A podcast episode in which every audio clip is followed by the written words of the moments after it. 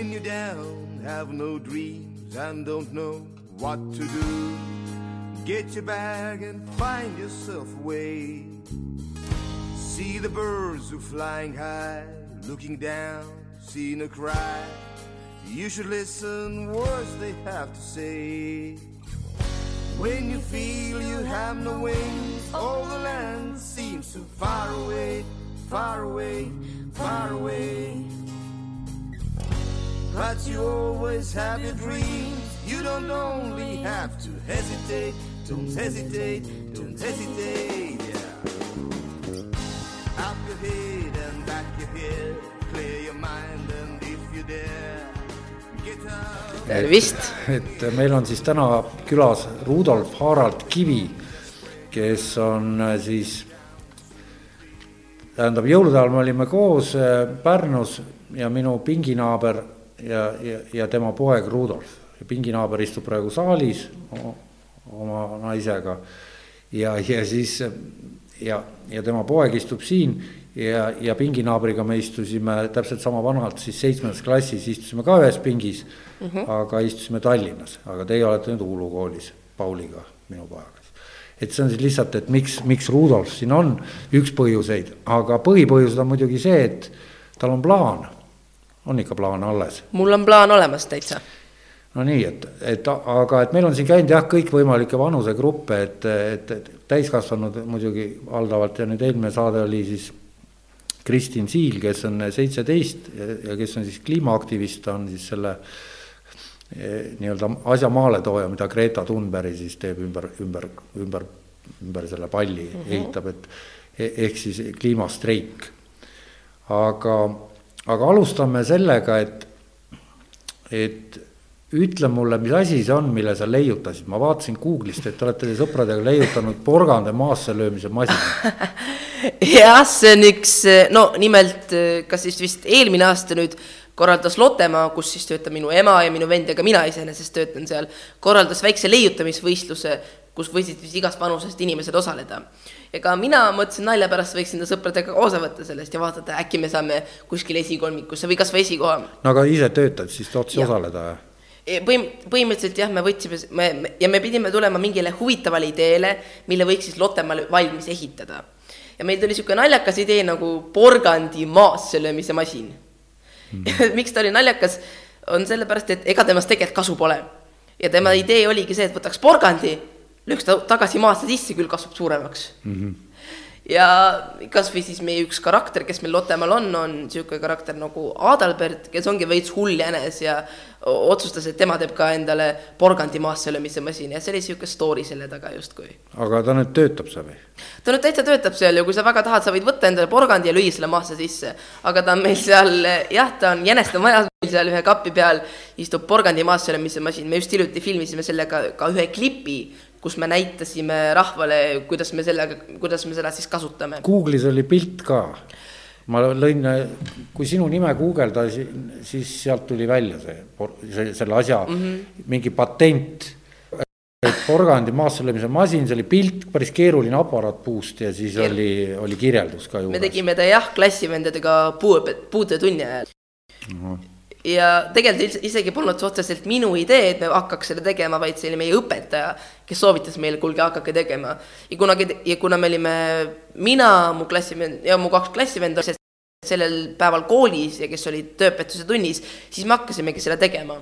ja me saime ta valmis no see oli päris palju puujuppe, neid, millest ta tehtud, puust juba ja. ta oli, ja puust ma ei ole, ma ei oska täpselt nüüd öelda, mis puust ta oli, aga jah, ta oli puidust tehtud, natuke mm kasutasime me osades kohtades ka vedru või metalli natuke. nii et kui me kõik eh, maale kolime, siis me hakkame sellega porgandeid maasse lööma. täpselt, me hakkame sellega porgandi maasse lööma ja võtame võib-olla endale nii suured porgandid, et saaks teha porgandikodu.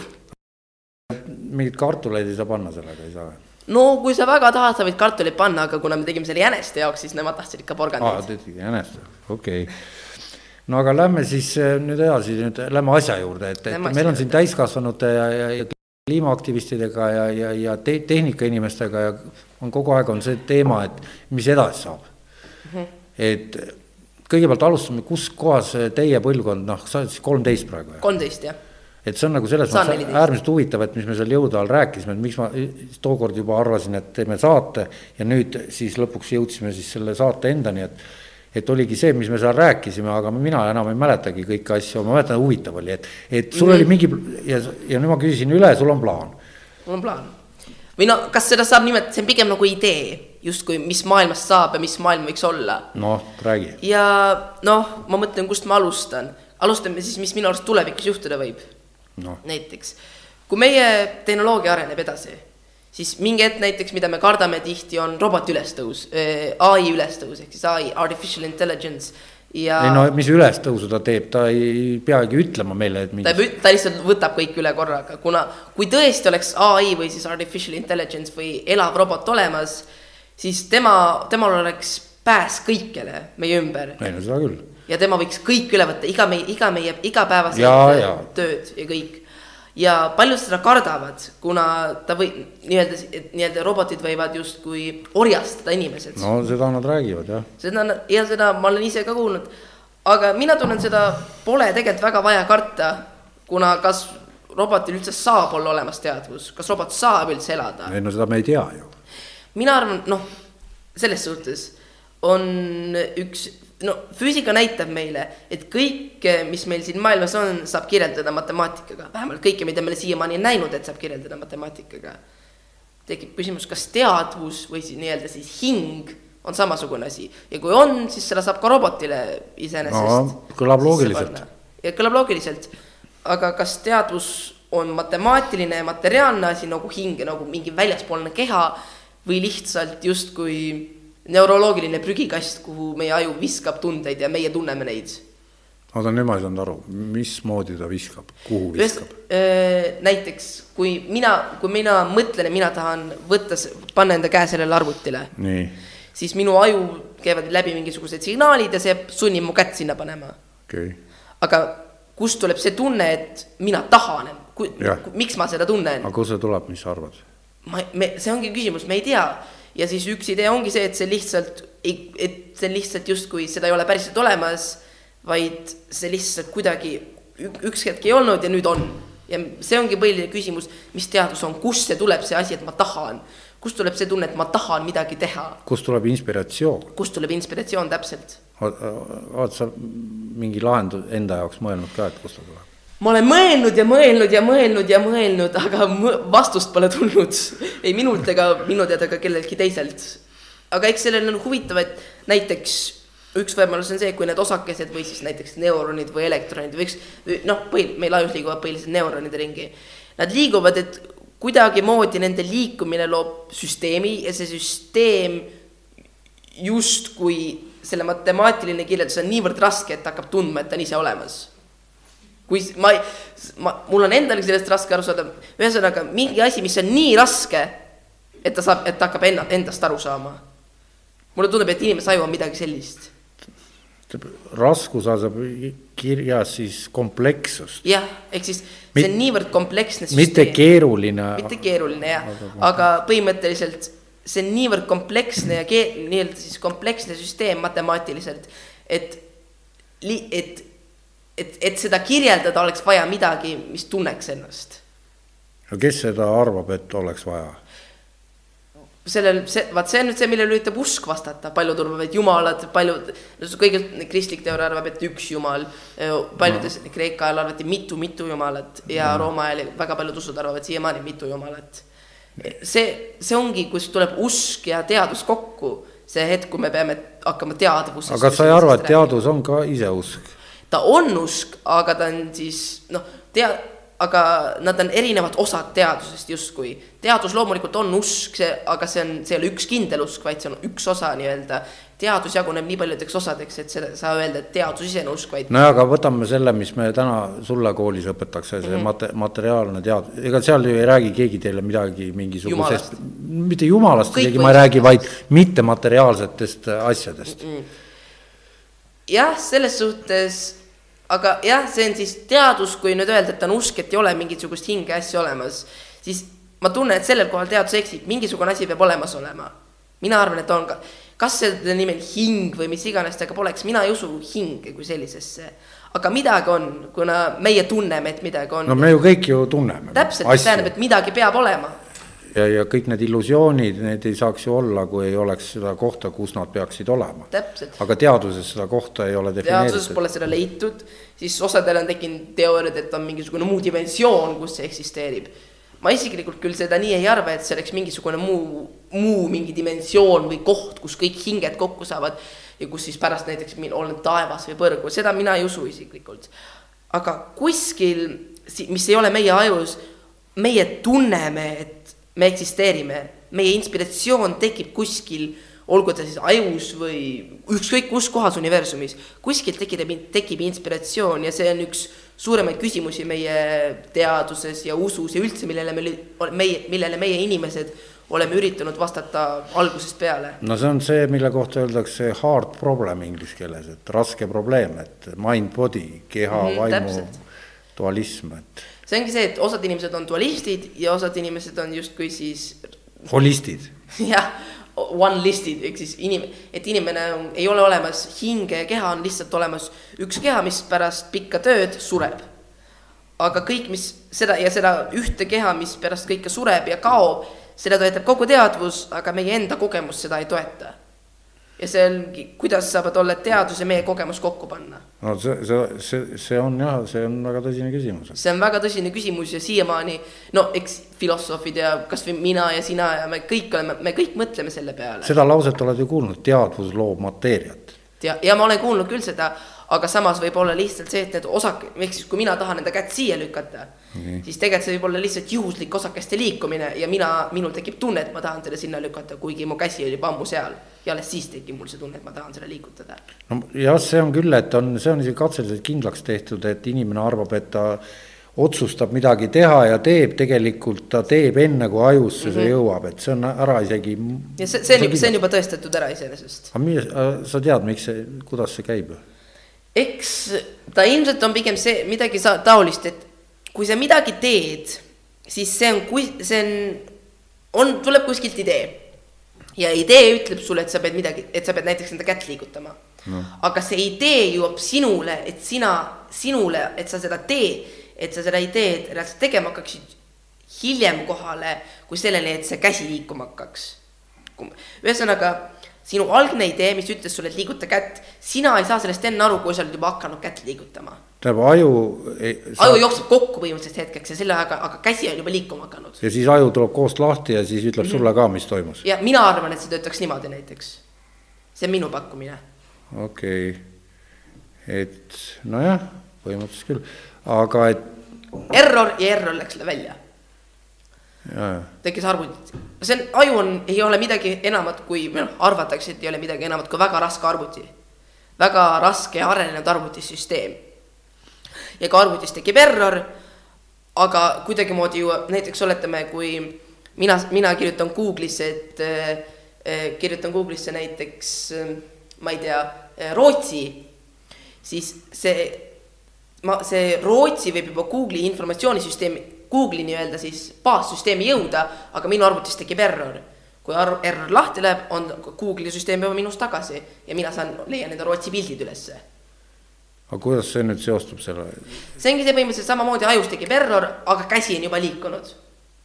sellepärast, et. aga mis sa arvad, ütleme, võtame nüüd see sellise, siia haakub väga hästi see teema, et, et ühed inimesed on kunstnikud ja teised mhm. teevad vajalikke asju no see on üsna levinud arvamus et, et mingi käsi liigub äh, mutrivõtmega number seitseteist, liigub äh, karbussi suunas mm, -hmm. aga teisel vennal pintsliga lõuendi suunas mm. -hmm.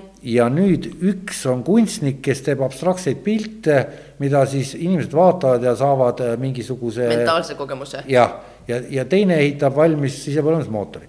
nüüd üks on vajalik asi, sellest isegi makstakse inimestele palka, teine peab nüüd oma pilti käima müümas või mm -hmm. näitusel. on populaarne, on rikas, on eba või noh, ei ole, ei ole midagi, et, et nüüd see kunstiline väärtus tekib siis samamoodi, et ta, mis, kuhu ma tahan jõuda, on see, et kas see inspiratsioon sinu arvates tuleb inimese pähe, see, mis tuleb väljaspoolt inimest, kui ta mm -hmm. tuleb väljaspoolt inimest. et kas need on võrdsed ütleme siis katego-, kategoriseerituna noh, need asjad, mida antakse, kuidas sa arvad, et, et miks ühele antakse see, et ta peab võtma pintsli ja tegema pildi ja teine peab hakkama ehitama mingit karbussi? sellel on mitu asja, näiteks siit tuleb jälle mängu geneetika, kuidas, milliste nii-öelda võimet, inimene tahab, minu, mina arvan, inimene tahab teha seda, milles ta hea on. näiteks miks mina tahan teha räägi-, teha matemaatikat ja füüsikat ja mitte ehitamist, kuna ma ei oska ehitamist. Aga sellepärast ma oskan matemaatikat ja füüsikat ja sellepärast liigub minu käsi pigem matemaatika ja füüsika poole. no aga kunagi, kui sa päris väike olid, siis ta ju ei liikunud. siis ta ei liikunud, aga midagi, mida mina nägin väiksena või mida mina tundsin või nägin, mis minu ümb-, meie, meie iseloom sõltub sellest, mis me, mida meie oleme näinud ja kuulnud meie ümber. kõik meie tegevused sõltuvad sellest, mida keegi teine on varem teinud kui, kui me ei näe, kui me sünniksime täielikus vaakumis, noh, oletame, et me saaks hingata seal, aga oleks põhimõtteliselt vaakum, ehk siis mitte kedagi poleks, mitte midagi ei oleks õpetada meile. me jääks elu lõpuni beebideks, kuna me ei oskaks midagi muud teha peale lihtsalt eksisteerimise. me ei oskaks või, või, või me võib-olla ei oskaks isegi liikuda, kuna meil ei oleks midagi, mis annaks meile idee, et me võiks liikuda aa, et siin tuleb Eestisse tuleb nüüd aprillis tuleb Rupert Sheldrake, kes on üks biokeemik Cambridge'ist, et või tähendab bio, bioloog vabandust, mikrobioloog vist on ta eriala täpsemalt jah, aga ta õppis filosoofia, ajalugu ja niisuguseid asju ka Harvardis ja ja, ja tema, tema mõtles välja morfilise resonantsi teooria, mis tegelikult kattub natuke selle sinu jutuga, et et, et, et, et see mälu, et, et kui meie õpime siin sinuga ühe asja ära, siis teispool maakera juba teine grupp inimesi õpib selle palju rutem või, või teab seda juba. et on mm -hmm. olemas mingi niisugune väli. et on justkui süsteem, mis meid kõiki inimesi ühendab ja et kui mina saan midagi uut teada, siis mingil määral liigub see juba teistesse kohtadesse. noh, mis sa arvad sellest mõttest? see on iseenesest väga huvitav mõte, et aga see käib, see on juba väga jälle kooskõlas sellega, et hingel on mingi omasugune dimensioon, kus, ehk siis, kus need hinged või siis mõtted, mis meie loome siin, saavadki üksteise vahel kokku puutuda, interact with each other, justkui. noh. see teooria on väga vabalt võimalik, kuna tihtipeale on tehtud ju selliseid katseid, kus sa mõtled, et kus sina, kus sina mõtled ühes kohas ühte asja, aga keegi juba mingil määral aim-, aimab selle teises kohas. see võib olla vabalt täieslik juhu, täielik juhus. nüüd telepaatiast räägib praegu. ehk siis just, see, no see oleks iseenesest tegelikult, mis ta on, ta on lihtsalt äh, telepaatia teine vorm oleks see tema teooria, telepaatia teine vorm. mis, ei saanud aru, teine vorm, mille teine vorm, telepaatia, mis mõttes teine vorm? just, kui kõik, kui kõik inimesed on läbi selle välja üksteisega ühendatud mm -hmm. ja kui keegi inimene ühes kohas teeb eh, mingit asja, siis see jõuab ka kuidagimoodi teiste inimesteni.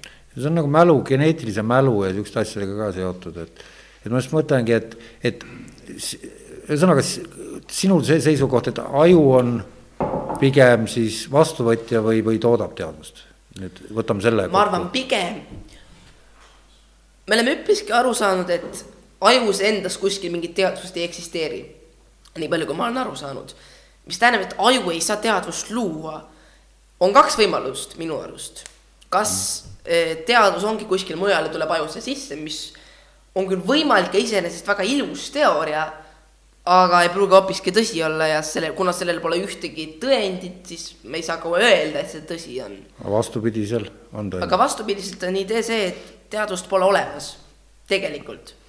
ja see on hoopis midagi, et ei ole asja meie peas, mis, me ei ole mingi kõike suur teadvus, kes otsustab midagi meie eest. mitte meie teadvus ei otsusta, et ma tahan näiteks seda Eh, käega seda arvutit praegu puudutada mm, -hmm. vaid pigem see on lihtsalt juhus, mida meie, mis meie ajus toimub või siis asi, mida me oleme, kui ma olen näinud elus, et keegi ka, ka tahab katsuda eh, enda käega arvutit, siis minul tuleb ka kunagi läbi juhuse ja selle teadmiste ja antud tänu vestlusele tuleb mul tahe seda arvutit katsuda. no need juhuse asju on ikka arvutatud ka, et need on ikka väga, väga kolossaalsed numbrid, kui väike on tõenäosus et juhuslikult teatud asjad juhtuvad, et kui juhus mm, -hmm. kui, kui kõik oleks juhuslik, kogu see evolutsioon, kogu see areng, kogu see universumi liikumine ühtepidi, teistpidi, et inimene, inimene, kõik see, kõik on täpselt nii, nagu on, temperatuurid on nii, nagu nad on mm. -hmm. et see oleks nagu liiga, see on täpselt vastandlikud arvamused, et, et, et see, et ta on nii täpne, tõestab, et see on juhus ja tei-, teine seltskond ütleb täpselt, et, et ta on nii täpne, see tõestab, et see ei ole juhus, et. aga sellegi, sellegipoolest sellega on üks huvitav idee, käib kaasa nii-öelda filosoofiline mõtte, mõtlemine. kui kujutad ette, et meil on lõpmatult palju väikseid tükikesi, osakesi ja nad no. lõpmata pal-, lõpmata pikalt, lõpmata pikal ajal suvaliselt liiguvad ringi, täiesti suvalistesse kohtadesse siis mingil ajahetkel selles lõpmatust, lõpmatus ajas ta mängib välja meie universumi. kuna kui kõik juhus, kui kõik asjad maailmas, kui kõikvõimalikud asjad, mis need osakesed teevad, mängitakse läbi, siis üks, siis mingi hetk mängib ta läbi ka meie terve elu. ei no see on noh, need numbreid ei mäleta peast, aga need on nagu väga suured numbrid et no see on see näide, sa oled kindlasti kuulnud, et ahvid toovad kirjutusmasinaid, kaua läheb aega, et Hamleti esimene rida tekitada. jah, seda jah, aga see, ja see ongi põhimõtteliselt see asi, et lõpuks meie universum, isegi kui me, kõik, mis me teeme, on juhuslik, siis ant-, anta piisavalt pikka aega ja see ikka juhtub. Ja vabalt aga see on võib... lõpmata pikk aeg siis? lõpmata pikk aeg, jah. see on, siis on meil lõpmatu hulk universumeid ka järelikult. jah, mis ta ongi siis, kui iga, kui meil on lõpmatu hulk universumeid, kus kus igas universumis juhtub midagi erinevat, siis meie universumi igal juhul mängitakse välja. ja see seletakski, miks mina tahan seda pu puudutada, sest see on täielikult juhuslik. kuna kuskil mujal keegi ei puudutanud seda. nojah, aga oota, sinu lähtepunkt, et universumeid üldse on rohkem kui üks. oo jaa, mina seda usun, ma olen suur multiversumi toetaja. Et võib-olla paari sõnaga, sa libisesid praegu sellest väga sujuvalt üle, et kust sinul see teadmine Eh, sa ju ei tegele M-teooriate ja stringiteooriate ja üheteist, kaheteist dimensiooni mm -hmm. asjade, ei tegeled või? Eh, olen uurinud nende kohta, aga ei tegele otseselt. nii, ma multiversum ei tule ainult stringiteooriast, vaid on peaaegu iga korralik eh, teooria meie universumi kohta hõlmab endal kuskil multiuniversumit, mis siis multi, multiversumi teooria on see, et meie universumit ei ole mitte ainult üks vaid neid on lõpmata palju või nagu stringid ennustas kümme astmes viissada, mis on siis kümme viiesaja nulliga mm.. on neid erinevaid universumeid. huvitav, kust see number tuli? ma ei oska, ilmselt ta tuli kuskilt arvutust, arvutu-, arvus, arvutustest välja. kummaline number. see, see on väga kummaline number, aga see on väga suur number. on väga suur number.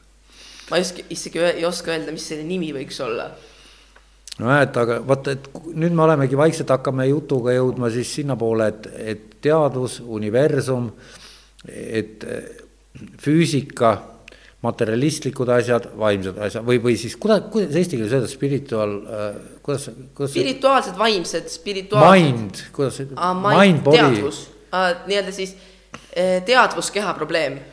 Teadvuskeha probleem. võiks niimoodi öelda. see on siis nüüd tänapäeval kas see koolis teil ka räägitakse, et see on nagu nii kahju, aga ei räägita. mis nad seal, mis nad teile räägivad, füüsika on teil juba koolis? füüsika, no minul otseselt veel ei ole, minul kutsutakse seda loodusõpetuseks, aga see on põhimõtteliselt füs-, eh, sissejuhatus keemiasse ja füüsikasse. ja seal noh, muidugi sel, sellel teemal ilmselt veel. ma olen koolis juba mitu korda öelnud, et võiks, võiks hakata õpetama filosoofiat, andma filosoofiatunde aga kahjuks seda ei saa, meie no, kool, see oli isegi nad.... no põhikoolides vist ei ole kusagil niisuguseid asju aga. kahjuks ei ole, aga ma arvan, see oleks perfektne õppeala põhikoolile juba.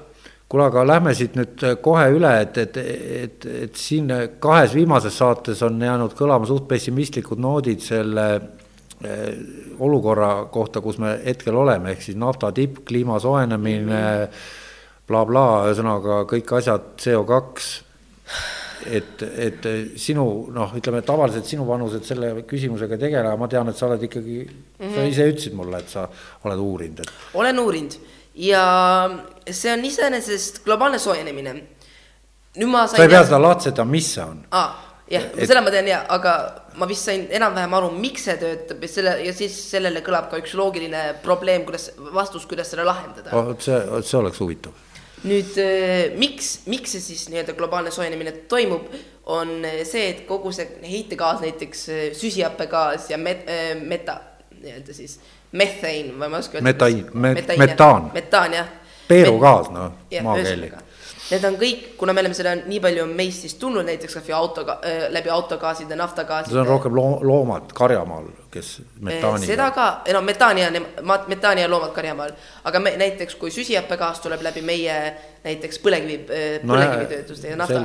no see on selge mm. -hmm, siis kogu see radiatsioon, mis päikeselt tuleb, kogu see valgus, mingi, mingi osa sellest jääb meile, meie maale, aga mingi osa sellest põrkab tagasi aga kuna see atmosfäär või siis see õhukiht, mis meid ümbritseb, on nii palju süsihappegaase, süsihappegaasi ja metaani täis ja kasvõi näiteks äh, vett täis, H2O-d täis, siis ta hoi-, siis ta ei lase radiatsioonil välja minna ja ta lihtsalt kuumutab äh, maad edasi. kogu see radiatsioon, mis tuleb päikese poolt, kui see muidu peaks suutma välja minna tagasi mm, -hmm.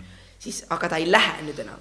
ta jääb meie, meile siia maa peale kinni, kuna. ta on atmosfääris at,. jah, ta jääb atmosfääri kinni ja atmosfäär kuumutab maad ennast.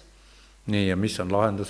minu arust kõige perfektsem lahendus oleks see, kuidas me saaks iseenesest lahendada nii energiaprobleemi kui ka selle atmosfääri edasi. Vau, sa tahad Nobelit hakata ei, aga selleks, see on põhimõtteliselt idee ongi selles, et äh, kõik on energiaprobleemil on kolm lahendust praegu põhiliselt. nii-öelda siis need tuulikud, veeenergia ja päikeseenergia, mida me kasutame nüüd põlevkivi asemel näiteks ja nafta asemel. no neid on tegelikult veel, aga ütleme, et jah, need on kolm põhilist ta taastuvene-. ja kõige parem neist on päikeseenergia ilmselgelt, kuna mitte ta ainult ei mitte ta ainult ei kasuta päikeseenergiat, ta ei lase sellel päikese, päikeseradiatsioonil tagasi üles minna, et sinna kinni jääda ja meid veel edasi kuumetada. ta, ta lahendab kaks, ehk siis kõige parem oleks, kui minu arust, kui ma näiteks siia tulin ja üldse olen viimasel ajal mõelnud selle globaalse soojenemise peale mm, -hmm. siis kõige parem oleks see, kui kogu see radiatsioon, mis tuleb päikeselt, ta jääks maale, ta ei lahkuks maalt ja ta annaks meile energiat siin edasi. aga kas ta tervisele kahjulik ei ole või? ei, ta ei ole, kui teda hoida mingis kindlas kohas, mis, kus ta inimesele otseselt eh, kokku ei puutu. oota, sa paneksid, oota, seleta nüüd lahti, sa tekitaksid päiksepaneelid, millega sa koguksid seda. mitte päikse, eh, jah, päiksepaneelid on üks võimalus, kus kõik oleks reaalsed päiksepaneelid ja nad koguksid seda päikese radiatsiooni ja see, see olekski meie põhiline nii-öelda siis energiaviis, kuidas saada. nii, ja miks seda ei ole tehtud siis sinu arvates? sest esiteks see võtab tohutult raha. no see. pluss tohutult, see võtab. trükkida.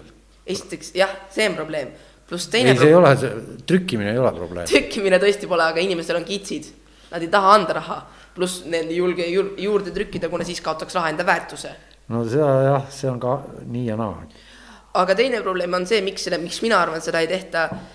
kui inimesel on võimalus teenida palju raha ja tõsta ennast ülesse, aga selle eest hävitada samal ajal loodust, siis me automaatne, me oleme üpriski isekad, me mõtleme enda peale, mitte looduse ja teiste peale. nii on ja sellepärast näiteks on palju lihtsam, on palju lihtsam äh, võtta põlevkivi ja naftat ja selle pealt raha teenida, kui anda raha ära, et luua päikesepaneele. arusaadav, see, see, seda me eelmistes saadetes ka olen palju lahanud, et, et, et kuidas see nii on ja miks ta nii on ja psühholoogiliselt ja et inimloom ongi nii kokku pandud, et ta ei mm -hmm. oskagi mõelda kaugemasse tulevikku, kui ütleme, mõni mõtleb ühe päeva, mõni mõtleb valimistsükli peale, mõni mõtleb tänase päeva peale, mõni mõtleb, ma ei tea, uue aasta kaupa kuidas kellelegi, et aga et pika, pikka plaani teha tõsiselt, et hakata püksirihma kokku tõmbama, keegi ei taha.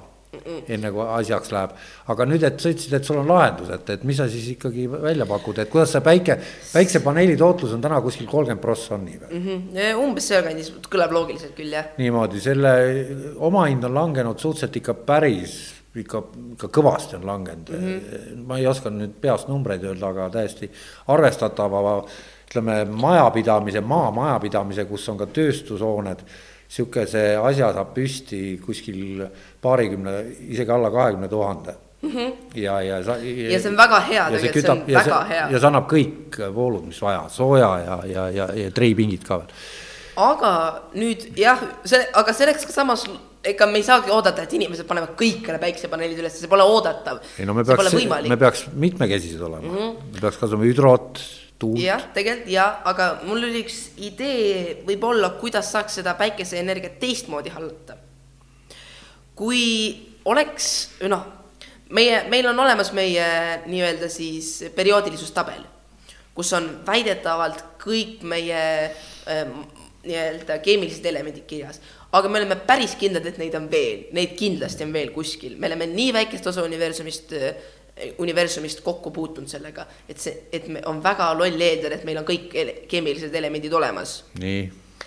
ja, ja ma ei ole kindel täpselt, kas meil juba perioodilises tabelis on selline element, tõenäoliselt on juba sarnaseid elemente või, ja kindlasti kuskil on, on olemas gaase, mis võivad, mis on niivõrd ise niivõrd külmad või siis hästi rasked eh, gaasid mis võtavad endasse väga palju, suudavad endasse võtta väga palju energiat, kui neile seda kiirata ja mitte sellest lahti lasta.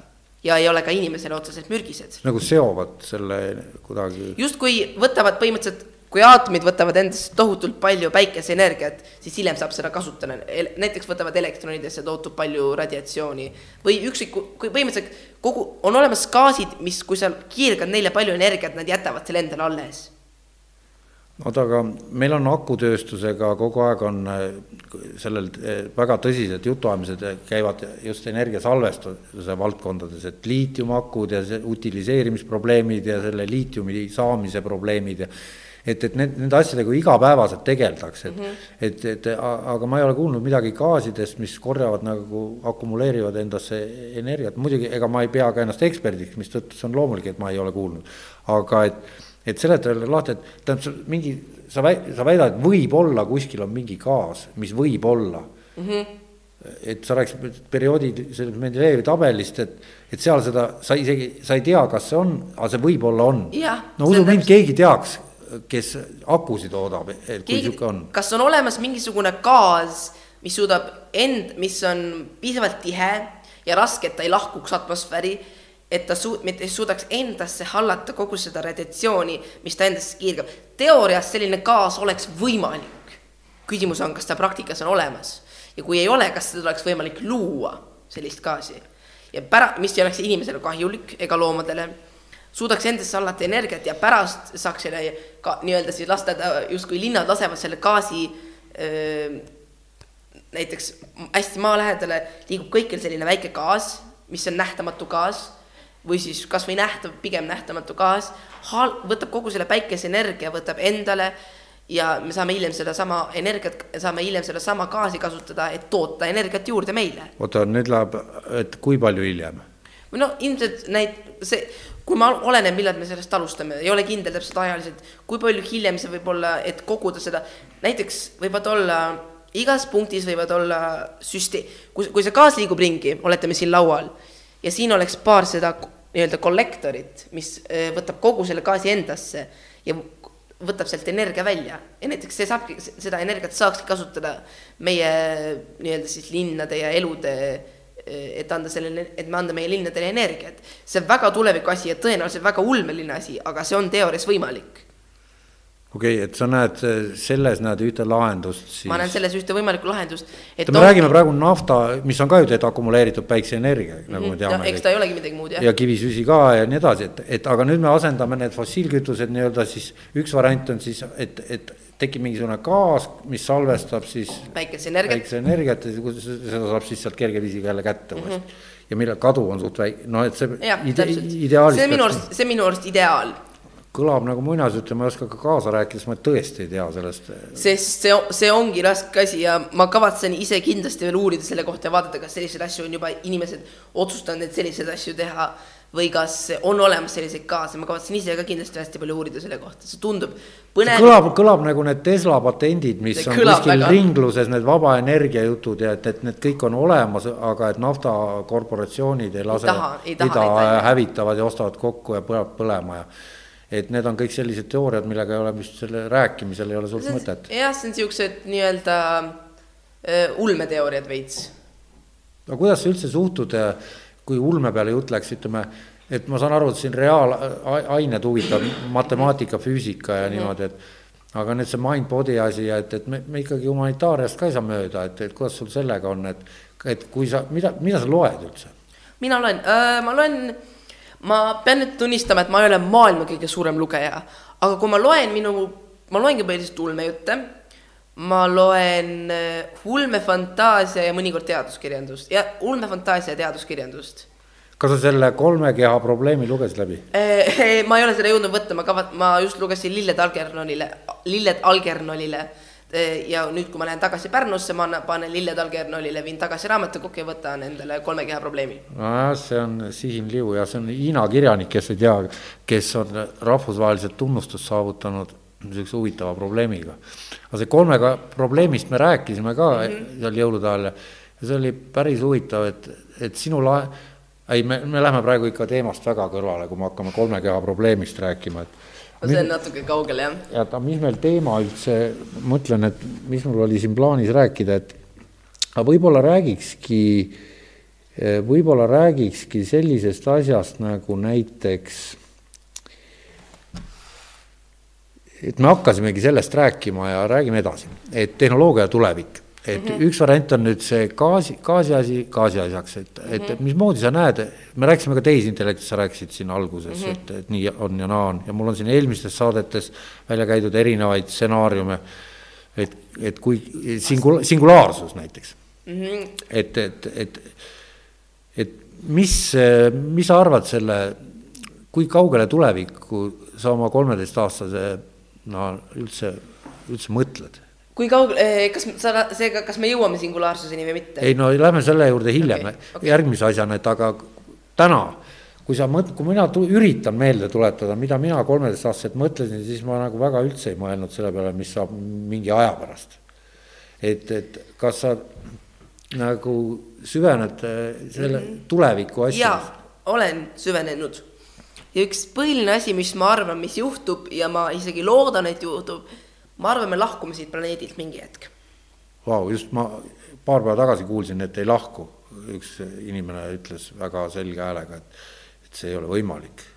aga miks see, kas ta seletas, et ma ei mäleta, mis seal oli, et see oli see Marsiga seoses ja et et, et see oli ikkagi, et esiteks seal on meeletud temperat-, atmosfääri pole, külm, hapnikku ei ole või on liiga palju, kõik niisugused asjad, noh et mm. -hmm, aga sellegipoolest olen, oletame, et meie siis näiteks eh, läbi, läbi ruumi liikumissüsteem areneb. me saame palju võimsamad raketid, me saame palju kiiremini liikuda läbi ruumi ja liikuda palju kaugemale. oota, sa räägid praegu tänase füüsikas valguskiiruse? mitte valguskiir, me ei saaks kunagi isegi ligilähedale valguskiirusele. aga me võiks, aga me saaksime ikka kiiremaks, kui me praegu oleme sa ei, ei ole oma mõtetes nende nii-öelda wormhole'ide või nende painutatud see on raske, kuna selleks, et nii-öelda siis ussiaugud töötaksid. oota, räägi kõigepealt lahti ussiauk, et see on mm, -hmm. kui see kõige parem näide vist on see paberile näide. ja paremini, kas ma äkki saaksin endale tükikest paberit? jaa, et äh, see on, see on hästi klassikaline, kus igas ulmefilmis kasutatakse seda meetodit, et seletada, mis ussiauk on.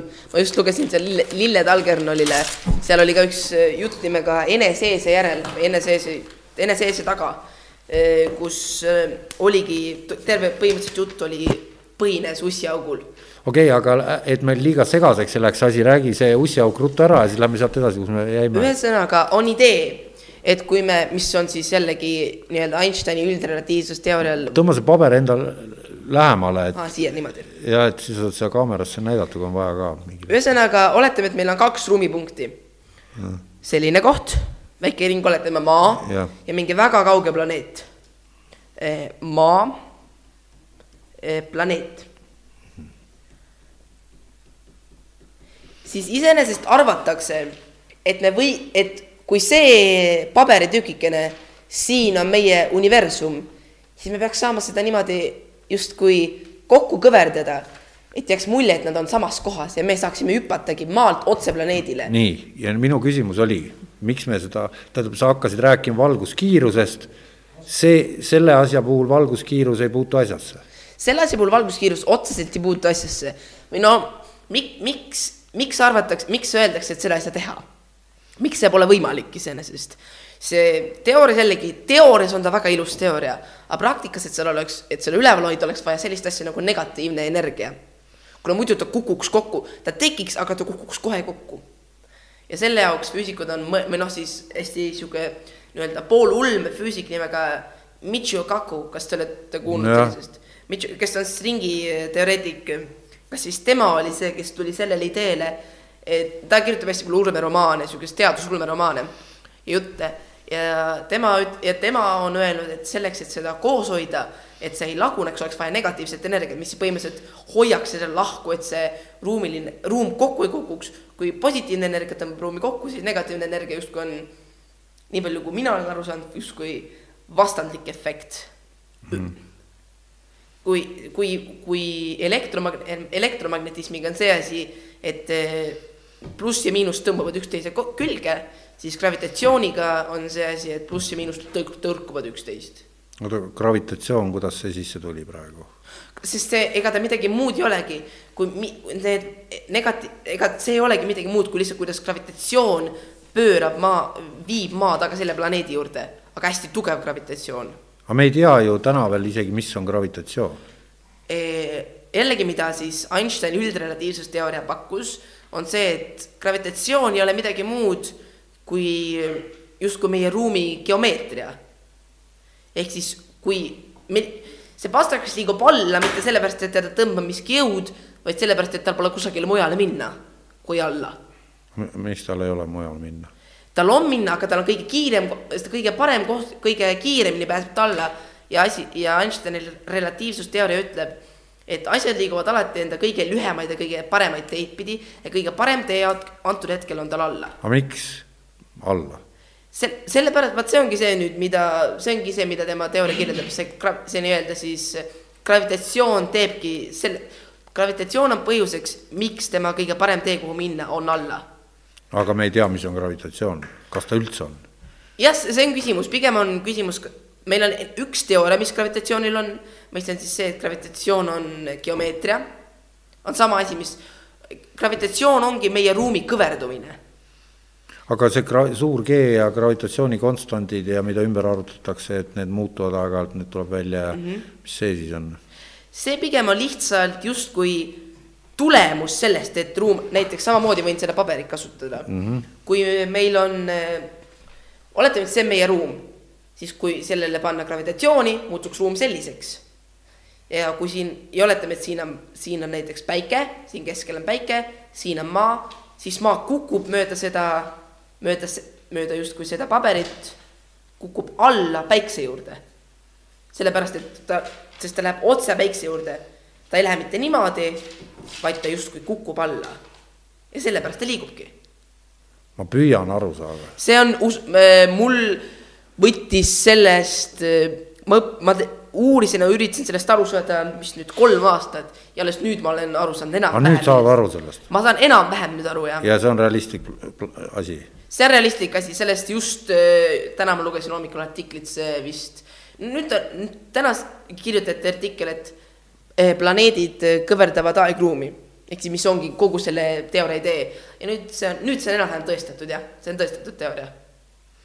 aga mis see meile ütleb siis? see, see on meil hea me saame hakata nüüd reisima siis, me, me jäime reisijutu peale muide, kus sa rääkisid rakettidest, mis on ju täielik kiviaeg sellega võrreldes selle, selles suhtes küll, aga kahjuks me ei saa seda kasutada nii pikki maid liikuda.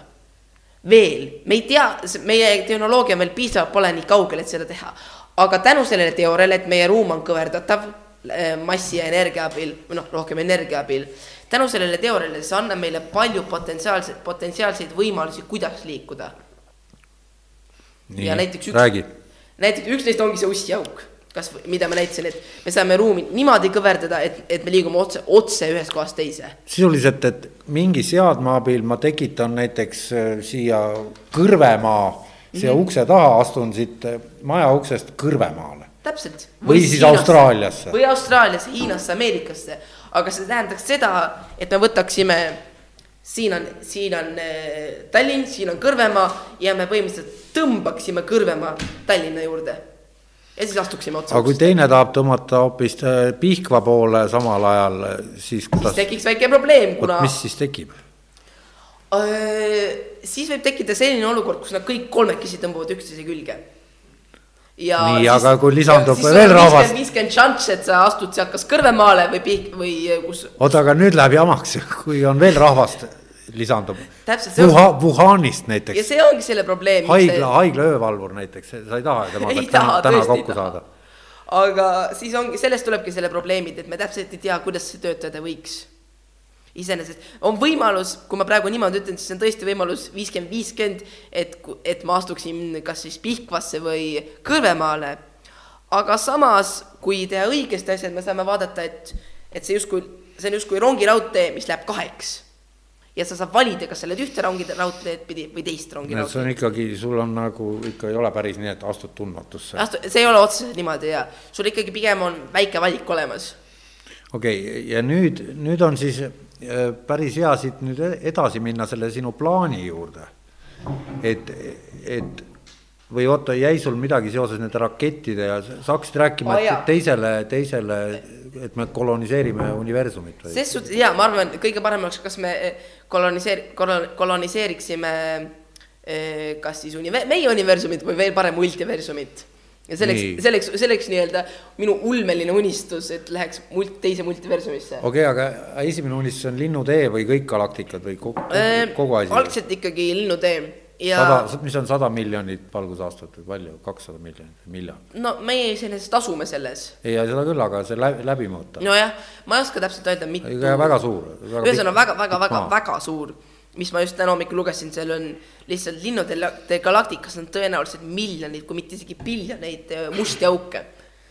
mis on massiivseid musti auke, mis on hästi huvitav, kus mina näiteks arvasin, loogiline oleks, kui on üks, kaks, kolm, aga tegelikult neid võib olla miljoneid, biljoneid. oota, miks see loogilisem on, et neid kaks-kolm on?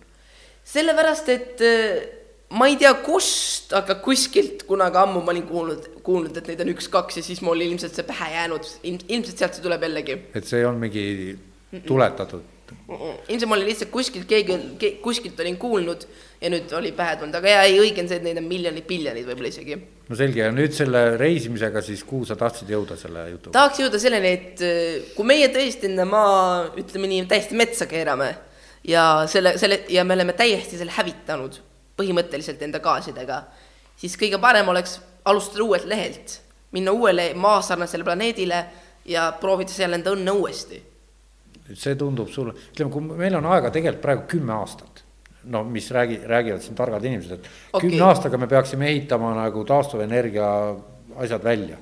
et siis eh, kolmekümne aasta pärast oleks meil juba noh, vanad ära lammutatud, kõik uued tööd, ühesõnaga asi mm -hmm. toimiks täie, täielikult nullemissioon. et, et see, see peaks kümne aastaga enam-vähem ära tegema asja. et, et kas sa kujutad reaalselt oma plaani teostumas? no paneme natuke juurde, paneme kakskümmend, noh et kahekümne aastaga. kahekümne aastaga, kindlasti mitte kindlasti mitte kahekümne aastaga. sellepärast, et kahekümne aastaga võime me valmistada telefoni, aga mitte teisele planeedile minna, mina arvan nii. aga aastaks kaks tuhat viiskümmend, kui meil seda ei ole, siis on läbi kõik ja, ja igasugu muude uuringute järgi, sest muud asjad saavad ka selle sajandiga kuidagi läbi. et tegelikult ükskõik kuhu- ka ei vaata, kõik ütlevad, kõik saab läbi.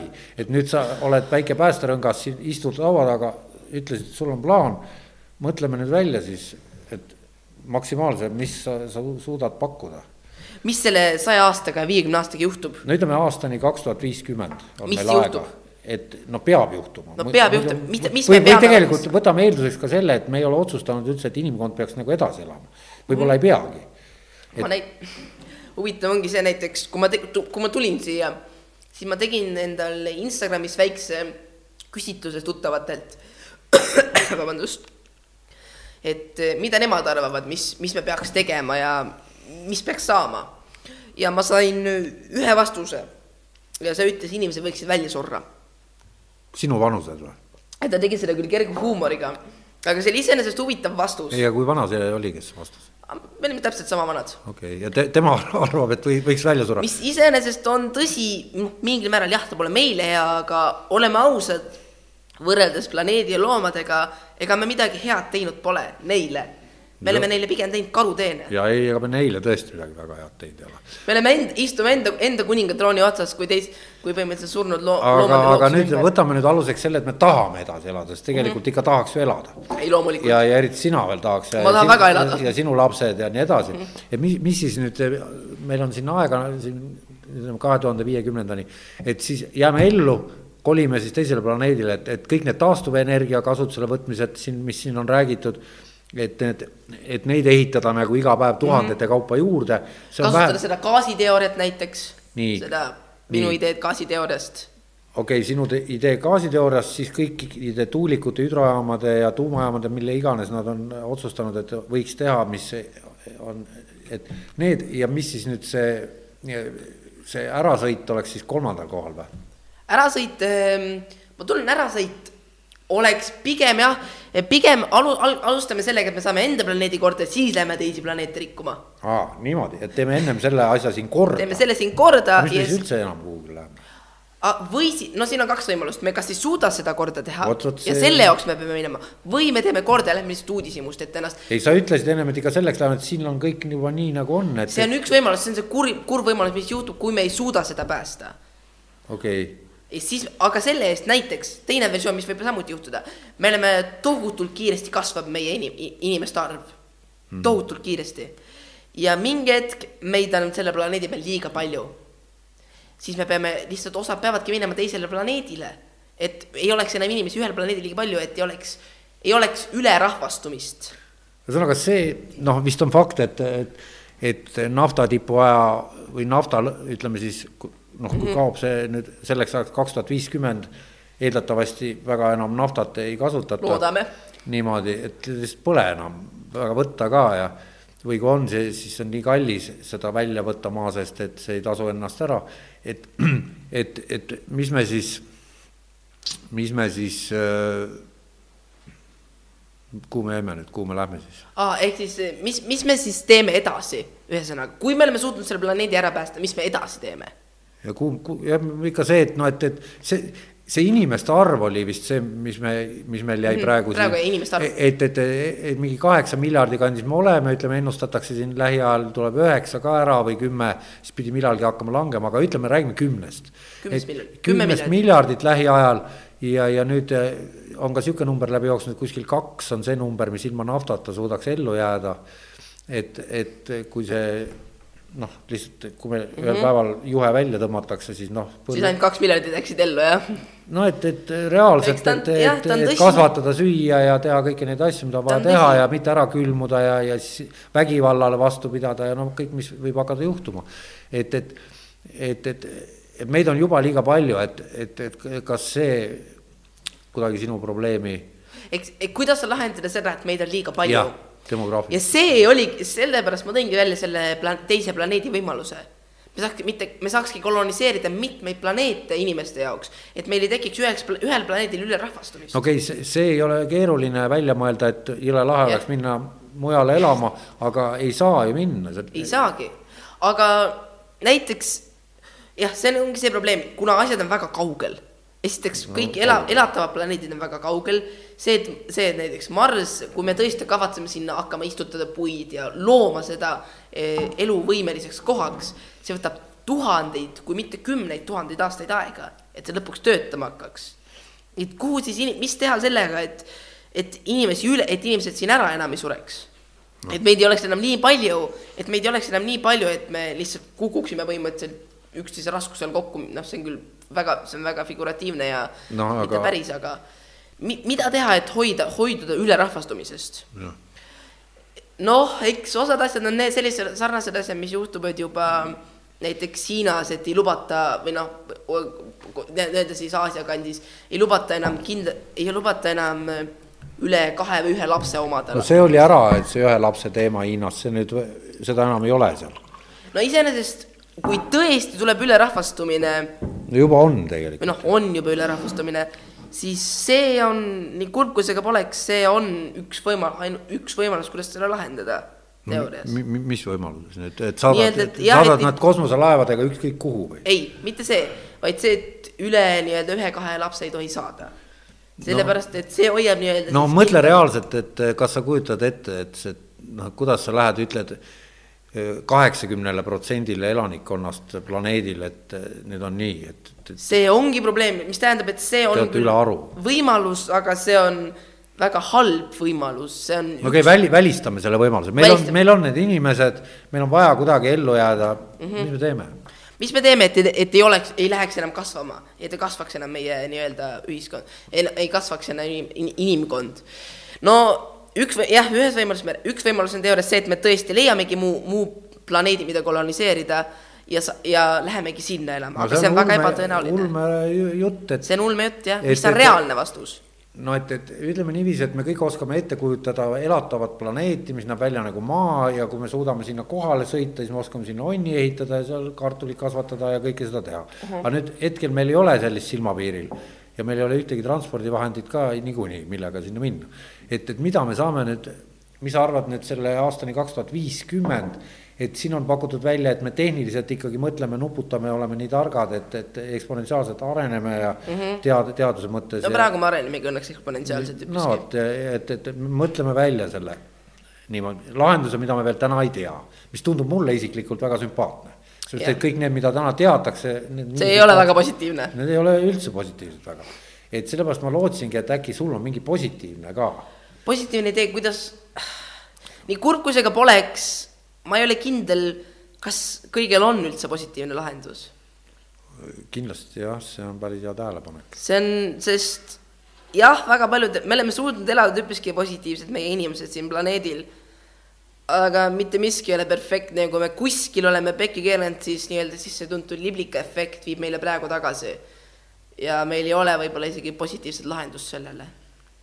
Mina ka, ma ei, ma küll, see on mul väga kurb öelda, et mul ei ole mingit positiivset lahendust sellele probleemile, aga on küsimus, kas üldse on sellisele probleemile positiivne lahendus? ma jäin mõtlema, et ma kuulutasin välja, et sul on plaan, kirjutasin sinna mul on plaan. Facebooki. mul on plaan, aga nii-öelda siis see inimeste plaan, noh, kui ma nüüd, ma üritan seda sõnastada enda peas, minu plaan ongi pigem selline justkui, et me peame, meie tehnoloogia areneb, me peame jõudma, minu plaan oleks on perfektsus. kui me, kuidas, me peame jõudma perfektsuseni aga see perfektsus ei ole lähima viiekümne aasta jooksul. oota, perfektsuse all sa pead silmas ühiskondlik. ühiskondlikku perfektsust, jah. kurat aga..., selle asja nimi on tead mis või? Seal on palju väga ajaloos järgi proovitud halbasid nimesid, kus üritati kõik kontrolli alla saada, kui sa perfektsus. ei, mitte kontrolli alla saada. vot sa peadki siin nüüd väga kindlalt vahet tegema mm, -hmm. mida su perfektsus minu on? perfektsus ongi see, et äh, esiteks me saame enda enda, no selles plaanides, kuidas me juba enne rääkisime, saame kliima soojenemise kontrolli alla. Esiteks. tuleta meelde, mis see oli? see oli siis jällegi see minu see nii-öelda gaasiteooria. okei okay,, ka, kogume gaasi siis energiat. kogume gaasi ja saame sellest lahti. teiseks, teine probleem, mis meil oleks, oleks tollel ajal näiteks kasvõi liikuda, esimesed inimesed koloniseerida Marsi okei okay,, Elon Musk sellega praegu tegeleb. tegeleb, mis tähendab. kaugel ta on sellega, müüb pileteid ikka juba? ei müü piletit kahjuks veel, võib tegelikult pined ja äkki juba müüb. ühe otsa piletid olid juba aastaid tagasi siin pakuti. jah, selles suhtes küll, et mitte küll sinna elama, aga jah, sinna kindlasti varsti inimesed lähevad esimest korda astuvad mm. Marsile, ma arvan, et see on väga lähedal. ja perfektne idee ongi see, kus me saame alguses selle planeedi korda siis kolime edasi järgmisele planeedile, et saa, et nii-öelda siis teha, alustada seal uuesti ja niimoodi edasi, edasi, edasi, kuni lõpuks me koloniseerime terve universumi. see on nii-öelda siis perfektne plaan kaugesse tulevikku väga,, väga-väga kaugesse tulevikku. no sa praegu lähed ja absoluutidesse, et absoluut kogu universum, noh, sa mõistad, mida see tähendab mm -hmm.. no ei, see mitte otse kogu, kogu nii-öelda siis, alustame näiteks kogu linnude galaktikast. no piisavalt juba. aga. Space'i ütleme nii. Aga kuidas praegu lahendada nii-öelda siis näiteks inimeste ülepopulatsioon, tegelikult, mis mulle tundub, loodus mingil määral juba lahendab seda. sellepärast, kui loodusel paistab olevat selline, selline justkui idee, kui meie keerame midagi pekki, siis loodus para-, tihti hakkab meie eest seda parandama. näiteks, kuidas ma oskangi öelda ma toon nüüd, see on üpriski küll vaieldav teema, aga mina arvan, et näiteks kas või homoseksuaalsus mingil määral aitab kaasa sellele probleemile, et, et meil ei oleks ülerahvastatud, kuna aina vähem inimesed saavad siis lapsi justkui ja aina rohkem väikseid lapsi, siis saab, ei oleks mitte lastekodus, vaid lastendatakse ära ja see probleem minu arust on lahendatav kas või praegu kardet-, kardavad paljud inimesed, et homoseksuaalseid on liiga palju aga pigem see on looduse viis päästa meid ülerahvastusest minu arust. oota, siin oli äh, Kai Künnis Peeres, üks äh, teadusdoktor, äh, rääkis, et kalad meres muutuvad sootuteks, et mm, -hmm. et, et see protsess noh. see võib ole, ka inimestega juhtuda. aga et see on sellepärast, et igasuguseid aineid, mida me sööme, need on jõudnud otsapidi juba teise ringiga ookeanidesse ja, ja see mõjub niimoodi kaladele, et nad enam noh mm. -hmm. Need on järjest emasemad ja, ja, ja sama toimub ka inimestega, muide teie põlvkonnaga juba mm -hmm. vaikselt. see on see. kõrvarõngad ja, ja värvitud küüned ja varsti on see ja varsti on tee, et ühesõnaga põhimõtteliselt, et, et, et on need seltskonnad, kes näevad selles nagu noh. arusaadavatel põhjustel noh, mis mm -hmm. nad näevad, nüüd on need, keda, kellel on ükskõik ja siis on, nüüd tuleb välja sellised ka, kes ütlevad, see on pääsemine. mina ütlen, see on, kas ta on just pääsemine, see on üks, see on. kusjuures siin on see. väga oluline ära märkida, et ega sina ei ole. ai, mina, mina olen ise heteroseksuaalne. nii selge, et sellega on nagu korra siin nagu. ja, aga mis ma arvan, on see, et see mingil määral mitte ta ei ole või ma ei, ma ei ütle, et ta on kas positiivne või negatiivne, ma olen ise selles suhtes üpriski neutraalne. ei, ei ma ka, et, et mm -hmm. see ei ole, no ma tahtsingi öelda, et see ei ole teema mm -hmm. selles mõttes, et hea, halb, aga nüüd räägi, kuidas see noh, see, see on loogiline, et, et siis ei sünni inimesi juurde, kui neil Jah. on, aga no see ei ole ju lahendus või sa näed selles lahendust? teoorias, kui see, see, see ei ole, see on, selles suhtes ta ikkagi on lahendus, esiteks ta mingil määral aeglustab seda maha, ta aeglustab seda, ta jätab, ta jah, ta küll ei tähenda seda, et me lähme automaatselt, lähme eh, ka- seitsmelt, kaheksalt miljardit lähme näiteks kuue miljardini, mis oleks iseenesest palju parem arv. aga see tähendab seda, et me ei akselereeri, et me ei akselereeri nii kiiresti, et me ei ainult kiirenda seda nii-öelda siis seda eh, sündimist juurde mis tähendab, mingil määral ta siiski on lahendus. mitte küll võib-olla perfektne lahendus, aga ta on lahendus ja see lahendus on looduse poolt. aga teate, nojah, vaata kui sa arvamus. kui need, kui need viirused saab lükata inimese kraesse, noh, kõik SARS-i samas jällegi see samuti aitab tegelikult. jah, et, et igasugu laboreid, no oled ju kuulnud ka mm. vandenõuteooriaid sinna-tänna, et kust tulevad need aidsid ja kust tuli ka koroonaviirused ja kust tuli seagripp ja nii edasi. et, et, et inimene tegi ja laboris tegi. Aga arvan- nüüd äh, homoseksualiste sa ju farmis ei hakka ju kasvatama või? ai, seda kindlasti mitte, aga ma arvan, et meie probleemid näiteks inim nii-öelda siis ülerahvastumisega on võib-olla lahendatavad või noh, loodus lahendab teda juba praegu, kasvõi ha- hai-, kuigi haigused meie jaoks on negatiivsed, teoorias nad lõpuks lahendavad probleemi. või siis eh, ma toon ühe jällegi huvitava, mis on sellega, sellega seotud, mul tuli see just pähe. Oli üks eh, film, üks eh, nii-öelda siis kas te olete kuulnud sellisest, sellisest filmi, filmifirmast nagu Marvel? Marveli filmid, meie oleme, muidugi oleme, et Marvel on see, kes teeb neid kangelasfilme, eks. kangelasfilme jah.